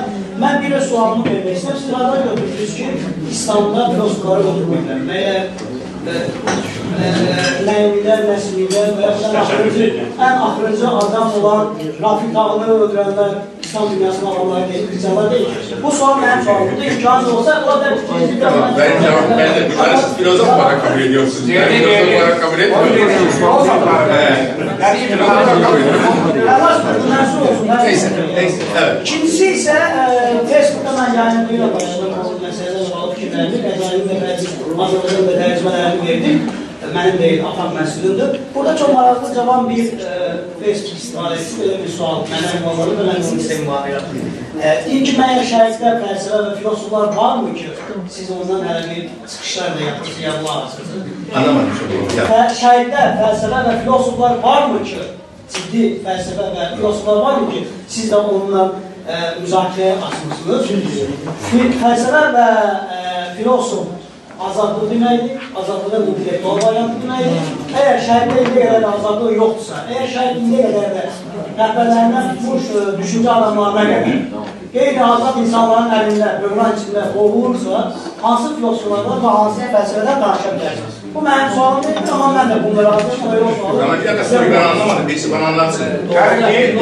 Diyersiniz ki, Fərabi, İbn Sina'dan bunlar filosof olmuyor. Bunlar filosof olmuyor. Fəlsəfə azadlıq deməkdir, azadlıq. Fəlsəfə, fəlsəfə, bir dəqiqə, bir dəqiqə. Fəlsəfə özünün bir azadlıqdır. Şəxsiyyəti, intellektualın azadlıqdır. Azad düşüncə, yaşam tərzi və s. Əgər şəhərdə bu azadlıq yoxdursa, şəhərdə necə fəlsəfə ola bilər və necə filosof ola bilər? Və siz bunun nəyini müzakirə edirsiniz? Sualsa Tamam Facebook'da. anladım. Şimdi anladım. Felsefenin azatlık gerektirdiği cümlesi açıkça söyleyeyim klişe bir cümle. klişe bir cümle. Vaxt olmaz. Ha, azatlık, hayır azatlık hiç vakit olmamaktan daha başka bir şey var. Felsefeyi felsefe yapan, felsefe yapan adamın özgür olup olmaması değil, akıllı olup olmaması. Akıllı olmaması derken şunu kastediyorum. Bir dakika, bir dakika. Sordum, sordum, söylüyorum. Saint Thomas büyük bir filozoftur. Ama aynı zamanda bütün amacı, bütün ruhuyla Hristiyanlığı savunmaya çalışan bir filozoftur. Teologdur. Ne alakası var bunun? Niyetlerle yapılmıyor felsefe. Hareket noktaları önemli değil. Felsefe yapmanın tarzı önemli. Bir şekilde eğer siz düşünüyorsanız, argümentatif düşünüyorsanız, akıl yürütüyorsanız, evrenden, doğadan, kendinizden hareketle bir takım çıkarsamalar yapıyorsanız ve görüşler ve düşüncelerinizi meşrulaştırabiliyorsanız, temellendirebiliyorsanız, hangi amaçla felsefe yaparsanız yapın. Benim için bunun bir önemi yok. Felsefeyi felsefe yapan ne hareket noktası ne amacı. Yapılma tarzı. İşte cevap kadar basit. Salam. Ə, Təşəkkür ederiz hocam. Mən bir ə, sualım var. Demək, Qərbdə ə, xristian dünyasında ə, əsas Kierkegaard'ı misal çəkdiniz. Ə, əsas baxış dinlə akıl münasibətlərində belədir. Xüsusən Kierkegaardda ə, din akılla zidd ola bilir. Bir-birini kəsə bilir. Üç mərhələ es- estetik, etik, iman mərhələsində İbrahim Peyğəmbəri misal çəkir. Allah ona buyurur ki, oğlunun başını kəs. Yəni bu akıla ziddir tamam. Akla değil, ahlaka zıt. Yox, Akla değil, ahlaka zıt. Ə, bir, bir dəqiqə mən tamamlayayım. Yəni əxlaqə zidd, yəni, yəni normal düşüncəyə də zidd. Doğru. Hə, yəni bu bu. Amma ə, İslam dünyasında elə bir filosoflar gəldi. Məsələn İbn Sina bunun ən bariz nümunəsi. Bəlkə də ona görə İbn Sina böyük idi ki, ə, göstərə bildi, yəni öz iddiasında ki, din akla zidd deyil. Yəni bir-birini tamamlaya bilər. Və bəzən din akıldan üstün ola bilir. Yəni dinin akıldan üstün olması ona zidd olması demək deyil. Evet. E, sormaq istəyirəm, Kazaliyə görə bu necədir? Kazali Kierkegaard'a yaxındır, görüşüyorsa İbn Sina'ya. Sağ olun. Ee, bu enteresan bir soru hakikaten. Yani düşünmem lazım. Şimdi Gazali Kierkegaard'a yakın bazen. Biraz evvel söylediğim şeyler. Yani Gazali tabii şöyle bir şey düşünmüyor. İslam dini, onun getirmiş olduğu öğreti, akla zıt değildir. Akla zıt değildir derken, kastettiği şu, matematikte kullanıldığı şekilde akla zıt değildir. Yani çelişik değildir. Ama Gazali'nin akıl anlayışı zaten son derece sınırlı. Gazali için akıl diye bir şey yok gerçekten. Akıl şurada var. Eğer aynı anda A eşittir A dersen ve A eşittir A dersen akılsızsın sen. Anlatabildim mi demek istediğimi? Bu manada Gazali için zaten aklın alanı diye bir şey yok. Geniş bir alana sahip değil. Ama aklın alanı hakkında söylediği şeyde işte son derece haklı. Çünkü aklın alanı hakikaten odur. Aklın alanı içeriksiz bir alandır. Mantıkta kullanıldığı şekilde akıl, matematikte kullanıldığı şekilde akıl alanıdır. Tecrübeden alanı aklın alanı değildir. Gözleme dayanan, tecrübeye dayanan akıl yürütmelerin alanı ikisi birbirinden tamamen farklıdır. Peki. Şimdi İslam'da zaten böyle problem yok. İslam'ın en büyük dertlerinden birisi de İslam'ın kendisinde çok akıllıca bir şey olduğunu zannetmesi. Yani İslam çok akli bir şeydir, çok doğal bir şeydir demek İslam hakkında iyi bir şey söylemek değildir. Net anlatabildim mi? Şimdi bunu söylediğiniz zaman o zaman ortada zaten işte aynen Gazali'nin söylediği gibi veya söylemediği gibi, filozofların söylediği gibi bir problem yok. Yani düşünürseniz, düşünürseniz, akılla düşünürseniz, e zaten bakın bunların hepsini akılla göreceksiniz. Ama temel soru şu, eğer bunları akılla göreceksin, imana ne ihtiyacın var? Gelecek hayat akılsal bir hayat değildir. Yani gelecek hayatın ne olacağını bilemezsiniz. Ümit akılsal bir şey değildir. Ruhun, insan ruhunun ölümsüz olduğuna inanma akılsal değildir. Akılsal değildir derken akıl dışıdır, akla aykırıdır anlamında kullanmıyorum. Bir Tanrı'nın var olduğuna inanma akılsal değildir. Bakın tekrar ediyorum akılsal derken eğer bir Tanrı'nın var olduğuna inanma akılsal olsaydı bütün insanlar mümin olurlardı. İnsanların bir kısmı Tanrı'nın varlığına inanmıyor. Eskiden de inanmıyordu, şimdi de inanmıyor. İnsanlar aptal oldukları için aklın Tanrı'nın varlığına inanmıyorlar diyemezsiniz. Bu bir çözüm değil, konuşma değil. Dolayısıyla akılla iman arasındaki veya din arasındaki ilişkileri illa çok antagonist kurmak zorunda değiliz. Ama ikisini meydana getiren ihtiyaçların birbirinden farklı olduğunu anlamak zorundayız. İmanı veya dini akılsal ihtiyaçlarla, akılsal kavramlarla açıklamaya girişmek demek, imanı ve dini kesinlikle anlamamak demek. Benim söylediğim bu. Teşekkür ederim. Buyurun. Teşekkür ediyoruz. Doğrudan çok memnunum bir bir saat ərzində çox çətin olar, çox dərindir bu sual. Ancaq hər halda bir qədər praktiki sual ünvanlamaq istəyirəm. Özünüzü təqdim edin. Xahiş edəyim. Demək, Qəzali əsərləri qərbdə çox yüksək qiymətlər verir. Yavaş yavaş. Hatta Poma Akvinski yüksək qiymət verir Qəzalinin əsərlərinə. Və mənim üçün maraqlıdır, sənin görüşü ərəfəsində e, Qəzalinin əsərlərinə qərbdə yüksək qiymət verilməsi e, nə dərəcədə xristiyan e, filosofların marağına uyğun gəlirdi ki, bunu edirlər. Yəni, nə dərəcədə onların maraqlarını üstə. Çok güzel. Şimdi bir, Gazali'nin görüşlerine Garp dünyasında Orta Çağ'da çok kıymet verildiği görüşü benim bilgim dahilinde olan bir görüş değil. Orta Çağ'da Batı dünyasında İslam filozoflarının eserleri çevrildiği zaman ibn Sina'ya çok değer verildiğini biliyorum. Hatta bir Latin ibn Sinacılığı diye bir okul var. Dunscots vesaire etrafında. İbn Rüşd'e çok değer verildiğini biliyorum. Bir Latin Averrois'te diye bir okul var. Ama Gazali'ye bu anlamda görüşlerine bu kadar büyük ilgi gösteren kimse yok. Ama Gazali'nin düşüncelerinin Hristiyanlara bir Farabi ve İbn Sina düşüncelerinde İbn Rüşd'ün düşüncelerine çok daha yakın olduğu doğru. Neden yakın? E çünkü Gazali biraz evvel söylediğim gibi deyim yerindeyse imanla aklın alanını, dinle felsefenin alanını, bilimle ayırıyorum. E bu bir Hristiyanın ta başından itibaren yaptığı ayrım. Şu anda da yaptığı ayrım. İkisinin birbiriyle belli ölçülerde imtizac edebileceğine inanmak başka bir şey. Ama ikisini birbirine indirgemek, ikisinin birbirinin aynı olduğunu söylemek başka bir şey. İslam filozofları iddia ediyorlar ki, veya tezleri o ki, dinde hiçbir şey yoktur ki, akıl tarafından zaten, mutezile de dahil, tam anlamında kavranılabilir olsun. Bu bir Hristiyan düşüncesi değildir. Bu bir Hristiyan düşüncesi değildir. Sen Paul şunu de, Sen Paul'un iki tane mektubu vardır. Birisi Korintlilere mektup, biri de Atina konuşması. Bunlardan birisi Atina konuşması felsefeyle dinin akılla imanın uzlaşabileceğine dair bir konuşmadır. Ama diğer Korintlilere mektup var. O da tam tersidir. Çok basit olarak söylüyorum. Der ki ben size İsa'nın mesajını iletiyorum. İsa'nın mesajı Yunanlılar için, Yunanlılar için bir skandaldır. Yahudiler için de bir skandaldır. Skandal olduğu için getiriyorum ben bunu. Bakın anlayın işte bir Kierkegaard'ın, Pascal'ın vesairenin başlangıçları bu.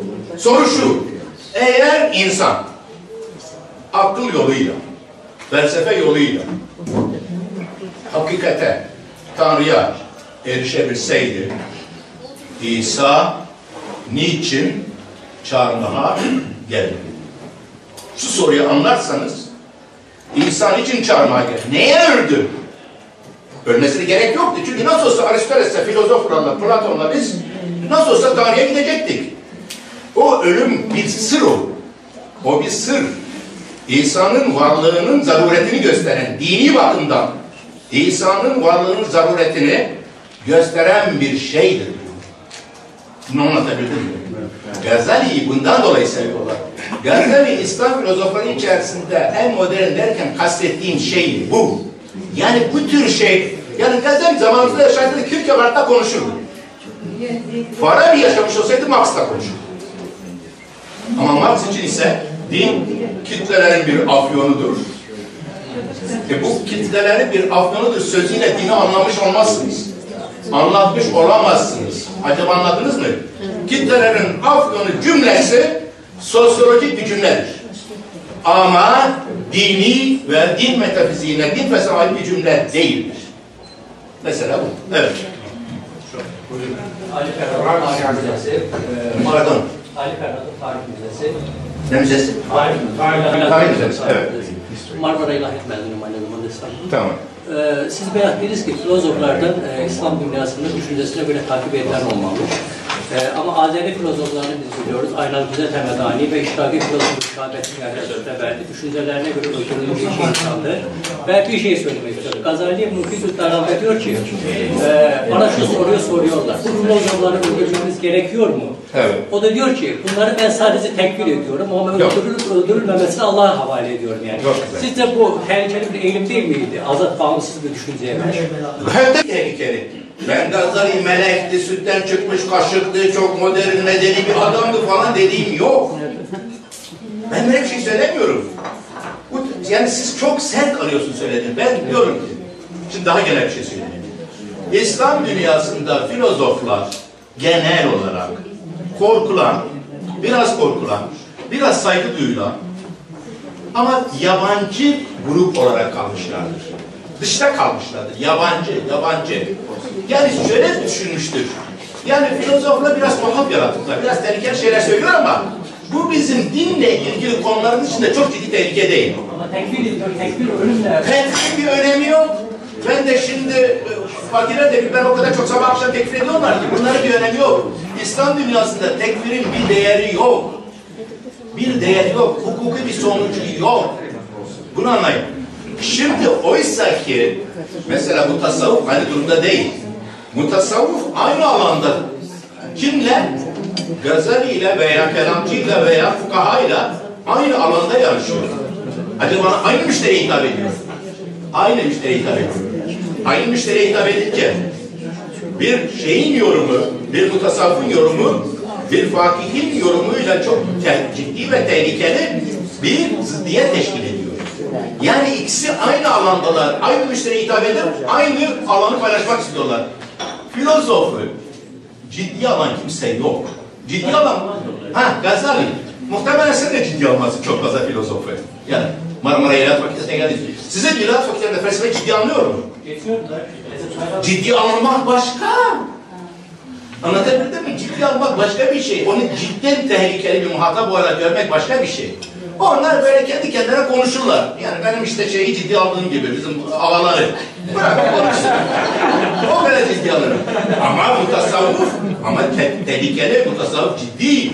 Çünkü aynı alanda konuşuyorlar, aynı alanı paylaşıyorlar. Onun için hele mutasavvuf arkasına bir de siyasete aldı mı çok tehlikeli anlamıyor musun? Anlatabildim mi?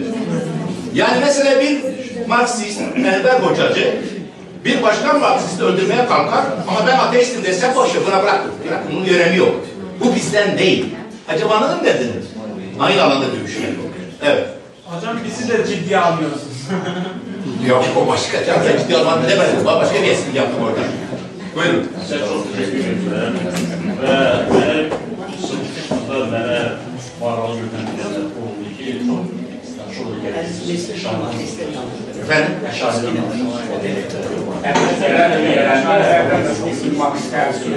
Evet. Ha, eşariler konuşmak isterdiniz benden. Gelecekler. Tablete söyleyin, çoğalsınlar. Söyleyin. Əşari sualı, yardım edici, əşari bağlı mən sual istəyirəm. O tərəfdə demagnet ki, atomizm, burada əşari, o tərəfdə buddizm, orada da buddizm psixologiyasında dıxarmalar, yəni dünya verilir dıxarmaların, yəni atomların fiziki variantını çəkir. Evet. Mən üçün, bilmirəm, bəlkə Maimonides bundan danışır, bəlkə Maimonides, Yahudilərdə də bəlkə bu oxşar şey var. Ne? Yəni atomarizm. Hayır, tam tersi. Maimonides kesinlikle karşı çıkar. Maimonides. Maimonides atomcularla dalga geçer. Soruşuram ki, He. Ola bilər ki, Maimon- Maimonid də nəsə Yahudi həmçinin nəsə götürüb olaraq gətiribdi, amma əsas sualım deyil. Bu analojilik, bu oxşarlıq, bu sinxronluq, bu səbiyyətçiyə baxışdan bağlıdır, yəni etki prinsiplə bağlıdır, yoxsa hərəsi əşari İslam düşüncəsinin içində bunu tapıbdır, bu atomizmi, Evet, soruyu şey yapar mısın? deməli, Yaponlar kimi Budizmin psixoloji əlaqəsi yoxdur, yoxsa var bununla bağlı bir fikir deyə bilərsiniz. Bu, bu bir dakika. Düşüncesi İslam'ın kendisinden mi götürülüyorsa Yunan ve Batı düşüncesinden dahil değil. Şimdi o konuda tartışmalar var. Ama İslam'ın kendisi atomcunun olmayacağı belli.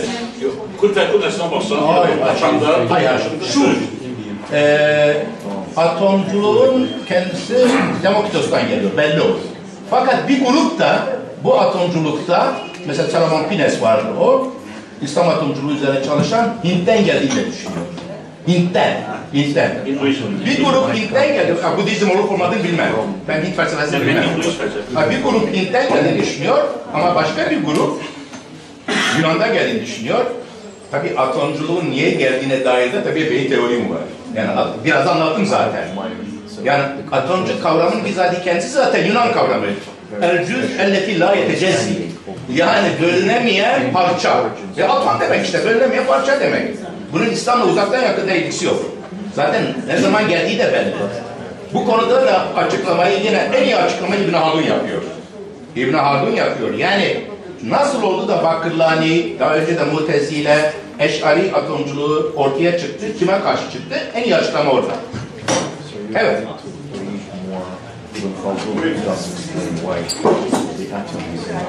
Təcrübəli təhsil sosioloq institutu, dinşünaslıq və mədəniyyətin fəlsəfə problemləri şöbəsinin elmi işçisi, fəlsəfə doktoru İradə Zərdanayev. Mən Qəzali tədqiq eləmişəm, Qəzalinin fəlsəfi görüşlərini işləmişəm. Niyə? Məni həmişə maraqlandırıb bir fərq olaraq. Siz, e, hocamız çox dərin, çox gözəl çıxış elədiniz. Əvvəlcə ona təşəkkür eləmək istəyirəm. Mən biraz sağlıq, daha e, praktik bir şeylər demək istəyirəm icazənizlə. E, niyə? Mən özüm mühəndisəm, ixtisasım mühəndisdir. Niyə Qəzalidə işlədim? Niyə görə məndə bu daxiləm? Mən mühəndisliyi bitirmişdim, otururdum evdə çocuklarıma baxırdım. E, bir, e, bir vaxt mən İslamla maraqlandım və mənə təklif elədilər Qəzalini e, məsləhət görüşlər. Və mən oxudum, Belə e, çox təəccüb qaldım ki, bu cür dəyərli insanı, çünki bizim xalqımız çox qiymət verən müdürlərimizə, klasiklərimizə ki, necə olur ki, nəzərlərdən biraz e, kənarda qalır. Çox uzatmaq istəmirəm. Qəzalidə praktik cəhətlər, siz bu, bugün çox gözəl qeyd elədiniz ki, o çox modern insandır.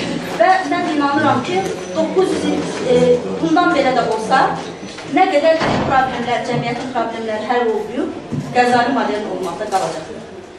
Problemlər nədir?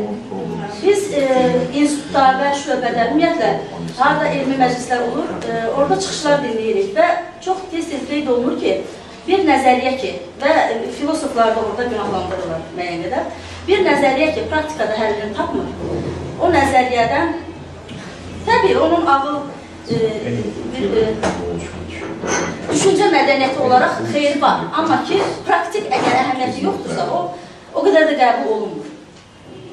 Qəzali, Qazalı İhya Ölümüddin əsəri var, Qəzalinin şah əsəri. Onun haqqında artıq e, Hamid İsaxanlı e, professorumuz qeyd elədi, mən onu təkrarlamaq istəmirəm. E, böyük fikirlər ver, e, deyilməsinin səbəbi nədir? Qəzali konkret olaraq konsepsiya qoymuşdur ortaya. Fəlsəfi konsep konsepsiya. Bu konsepsiya nədən ibarətdir? Deməli, mənəvi qurtuluş, mənim çıxışım da elə idi, mənəvi qurtuluş konsepsiyası Qəzalinin.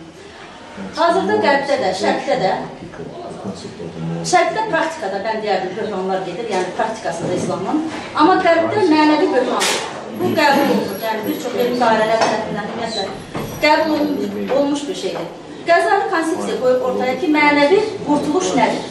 Bir, neynəməli? İbadət. İbadət adını çəkən kimi e, bir çox yerlərdə ibadətin olduğu kimi qəbul olunmadığı yerlərdə etirazlar olur. Qəzali ibadəti əvvəlinə elmi qurur. Elm. Öyrənəcək insan, bilik öyrənəcək. Və e, suallar da oldu, bilik nədir? Qəzali deyir ki, e, siz çox gözəl bilərsiniz. Deməli, e, ilm əl-yəqin, ayn əl-yəqin, haqq əl-yəqin. Bilik, ilm əl-yəqin nədir? Bizim bütün maddiyyat olaraq, bir varlıq insan olaraq qavraya bildiklərimiz, mənimsəyə bildiklərimiz bütün biliklər. Yəni ora nəqli biliklər də daxildir, hansı ki müqəddəs kitablardan bizə gəlir və əqli biliklər, fəlsəfə yolu ilə. Mən bura, e, onların o təsirlərin dili ilə isə riyaziyyatda, fizikanın hamısını daxil edirəm. Çünki əqli bilikdirsə, o artıq düşüncə mədəniyyəti və insana aid olan bir şeydir. İki bilik. İlm əl-yəqin məhz bu biliklərin nəticəsində insanın qavradığı şeylərdir. Və o çox bəsit bir misalla bunu izah edir. Necə? İlm əl-yəqin nədir? Məsələn, tutaq ki, çox sadə bir şey. Bir insan deyirlər ki, əli otağındadır, evindədir. Bir və onu gözünlə görürsən və inanırsan ki, Əli otağındadır. Bir də var kimsə, etibarlı bir şəxs, yəni inan, onun həqiqət dediyini, dediyinə inandığın bir şəxs deyir ki, əli otağındadır, məsələn. Bir də var ki, onun səsini eşidirsən. Deməli, bu ilm əli yəqin nədir? Ayn əli yəqin nədir? Haqq, haqq əli yəqin nədir? Bunu bu cür izah edir o. Yəni, ilm əli yəqin odur ki, sizə bu möhtəbər bir şəxs, bu biliklər yəni, biliklər vasitəsilə biz bilirik ki, bu nədir? Ayn əli yəqin.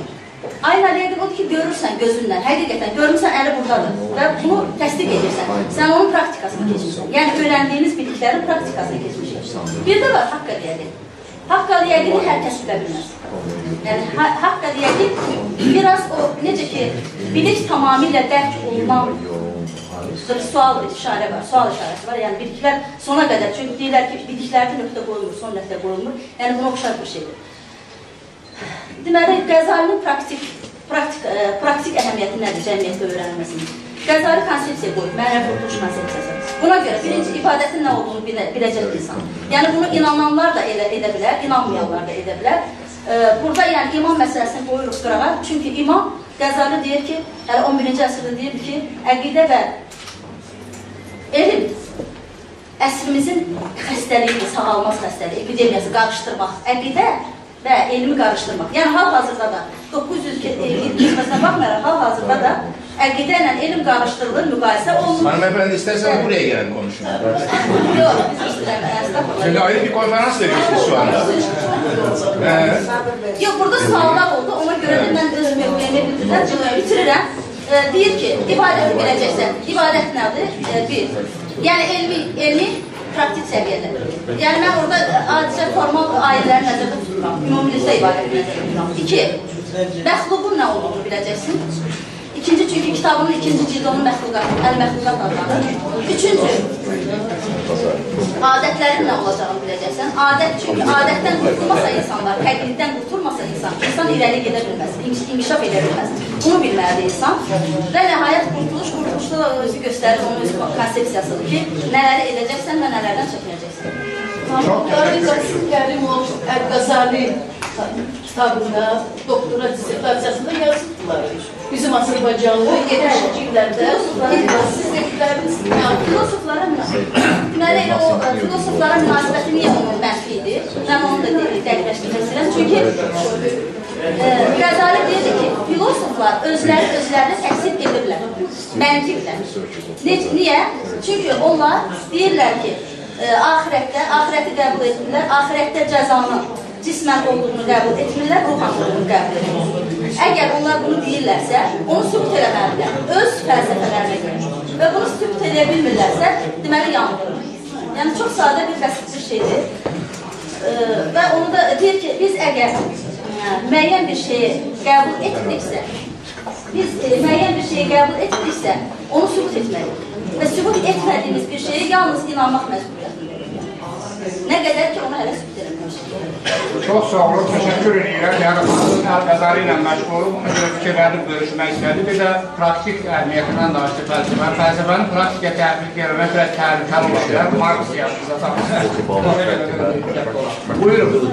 Kimin daha bir sözü varsa buyur, buyur.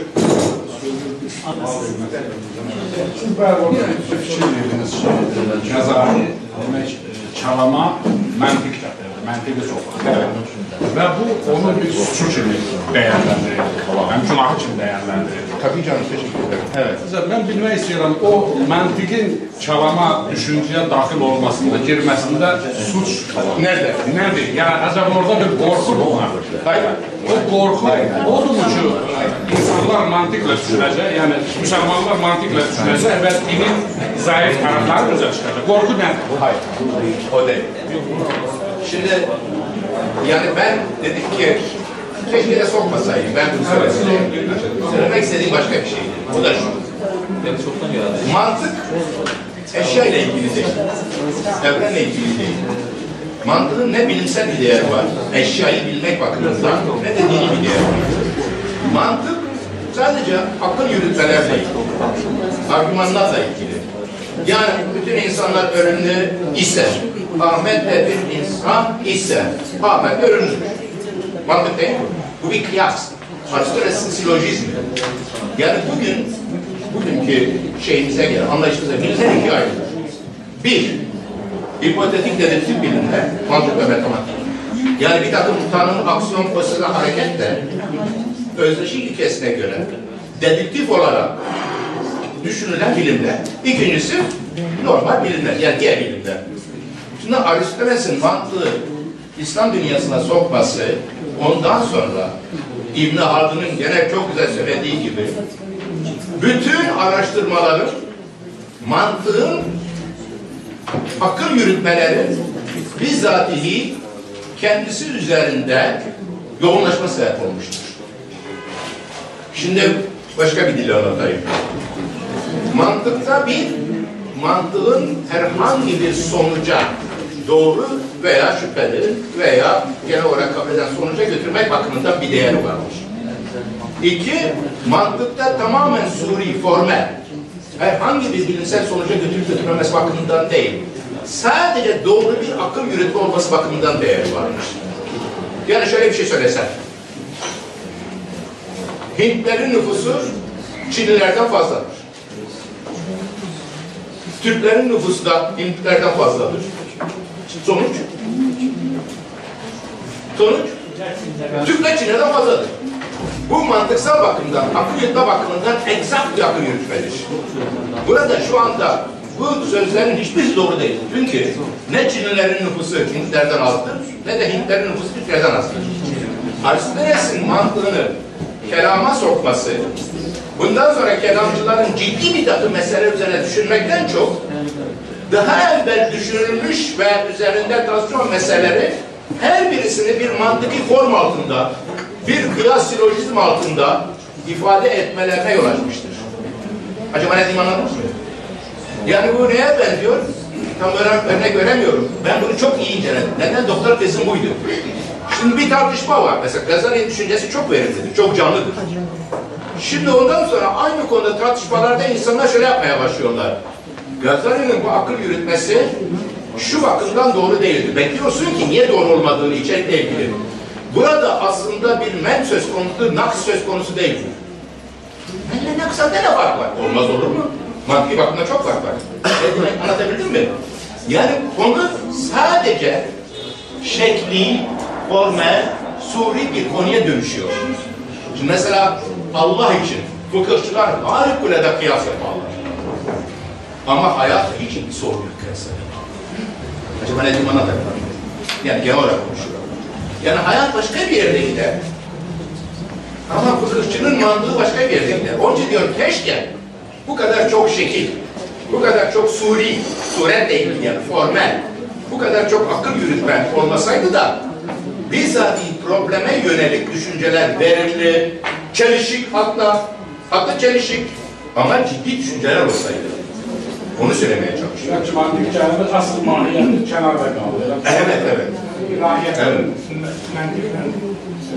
Ha çok güzel. Ha, yani mantık, ilahiyat, ilahiyat mantıkla yapılmaz. İlahiyat mantıkla yapılmaz.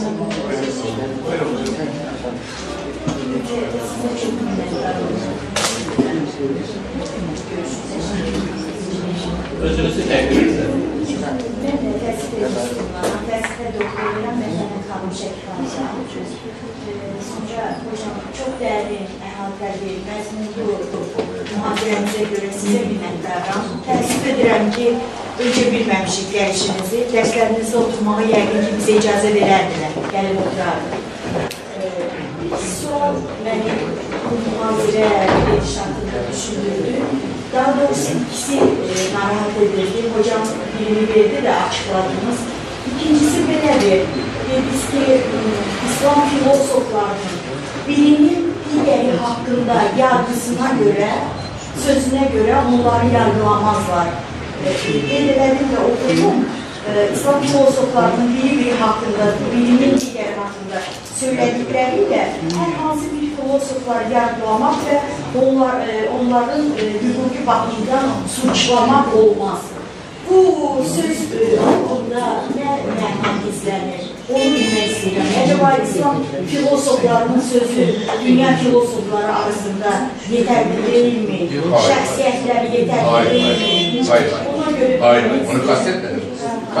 Kastettiğim şu, Evet, bilmek evet. isterim. Şunu kastediyorum. Gazali çok doğru bir şekilde görür ki felsefenin tarihinde birbirleriyle her konuda uzlaşan ve dolayısıyla aynı görüşleri savunan insanlar söz konusu değil. Filozoflar kendi aralarında birbirinden farklı görüşleri savunuyorlar. Gazali bunu biliyor. Gazali bu yani yapma, suni, suni görüşün doğrulamadığını düşünüyor, haklı. Çünkü dedim ya size mesela evren kıdemi meselesi. Gazali diyor ki, ya biri diyor ki, Platon, evren zamanda varlığa gelmiştir, hadistir. Biri diyor ki, Aristoteles, evren kadimdir, madde ezelidir. Biri diyor ki, varlık hadis midir, zamanda mı varlığa gelmiştir ben bilmiyorum. Mesela Batı dünyasında da sen Topal aynı şeyi söyler. Yani o yönde de bir takım argümanlar var. Bu yönde de argümanlar var. Mesela sen Topal bu kelimesine hiç girmez. İslam filozoflarının bu kelimesine hiç girmez. Şimdi dolayısıyla adamın söylemek istediği şey bu. Benim söylemek istediğim İslam filozoflarının dünyada başka filozoflar arasındaki yeri, ilişkisi falan filan. Diye değil. Bunu bir başka tarafına bakarsanız, yani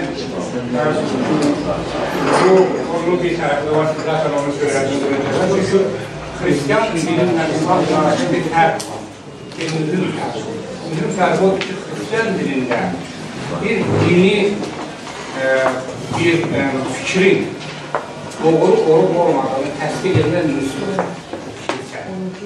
Yani ben bir söylüyorum, o değil bir söylüyor. Üçüncü basında ikincisi bu bir üslup hansı ki değil, doğru olan bu.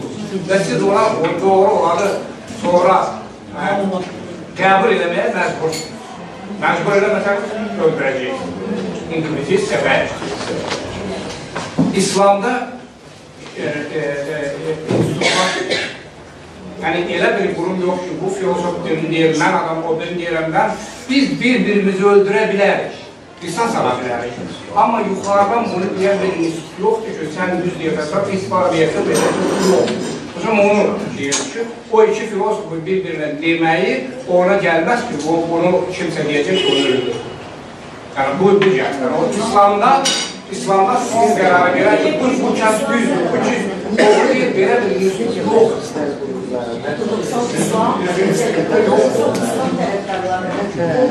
Yani taraftarlar var, çerçeveşme var, bu şeyler var ama bu beraber diyelim ki sen dediğin üzere bu bu yok ama misal şu nece ki Hristiyanlıkta bunların neşe tane Hristiyanlık toplantıları olmuştu, falan falan diyorlar, sabor değiller. Yığıştı bu kararı geldi, bu kanonik istifa edildi. sonra geldi bunu ilerledi. Papa İnstitüsü var. Örnek- Papa İnstitüsü var değil ki sen İngiliz kralı, sen o kişiyle evlenebilmezsin. Galilerin mahkemesi, Galilerin mahkemesi, Jordan okulunun yakılması. Sen düz değil. Var. Bu. Bu enstitü yok, bu enstitü bakmıyor. Yani bu ciddi, ciddi Hristiyanlıktan söz edeyim. İslam'daki e, ceza müessesesi Hristiyanlıktan. Çünkü öldürülen bütün mütefekkirlerin hamısının fetvası qazılar tərəfindən verilmiş fətvalardır və hökümdarların rəsmi nümayəndələri qazılar. Yəni həm e, Şahabətli Yahya Üstəvərdidə, həm Eynəzədə Həmədanidə, Hənnaz Mənsurda bütün fətvalar qazılar tərəfindən verilir. Yəni xəlifənin tərəfindən. Şimdi gene bir yanlış anlamamız var. Yani olayı tamamen şekli bakıyoruz. Gayet tabii ki bir adamın öldürülmesi hukuki bir mesele. Hukuki bir mesele için hukuki bir kuruma ihtiyaç var. İslam dünyasındaki hukuki kurumu temsil eden de kadın. Fetva. Ama kadının kadı olarak vermiş olduğu fetva babanın kiliseyi temsilen yapmış olduğu fetva ve ansik ile aynı durumda değil. İkisi arasında çok fark var. İkisi arasında çok fark var. Yani biri, iki, Batı dünyasında kilise en azından büyük bir tarihinde kraldan siyasal güçten bağımsızdır. Hatta kralın ve siyasal gücün üzerinde hükümrandır.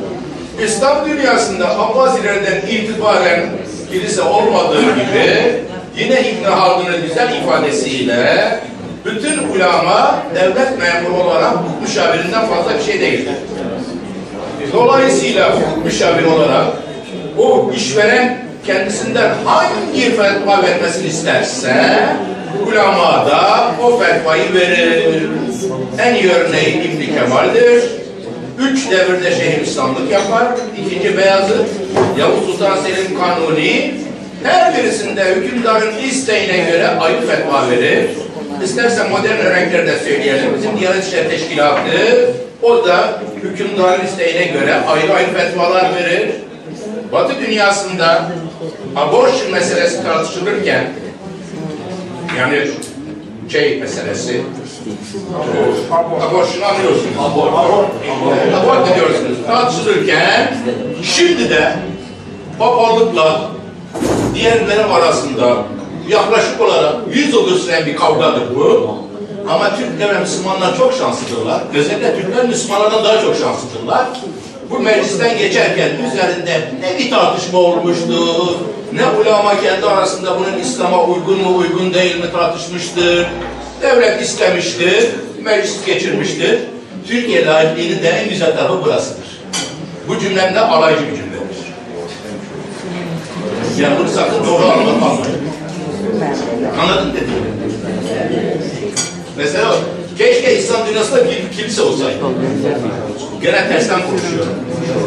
Keşke İslam dünyasında siyasetçinin karşısında tarihi ve kültürel ağırlığı olan, dinsel ağırlığı olan ve siyasetçinin hesaba katmak zorunda olduğu ve kendi değerlerini, kendi geçmişini ön plana koyarak ona bir karşı denge teşkil eden keşke bir kilise olsaydı.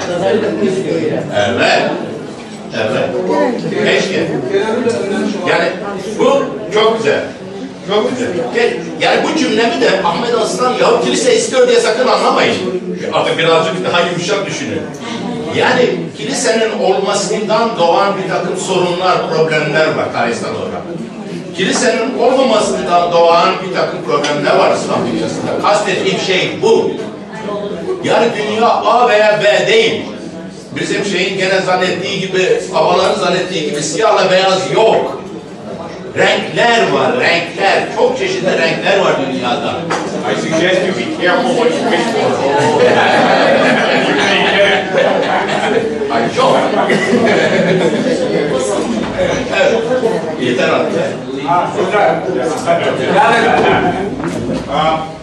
Hocamıza bir daha teşekkür ediyor. Bizim bir e, Jet Lemensaya'da bir e, sözleşmemiz vardı. Her yıl biz davet edeceğiz. Bir hafta. Her yıl biz davet edeceğiz. Ve hocam yani bir hafta içerisinde bir iki kez burada e, şerefsiz.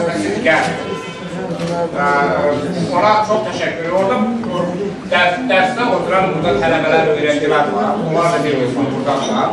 Bu hem de bizim e, Ahmet Bey'i yola salma mərasimimizdir bir növ. Yəni belə yaxşı yol deyirik, uğurlu yol deyirik. Üçün e, e, həftənin birinci günü yola düşürük. Sizin adınızdan da teşekkür ederim.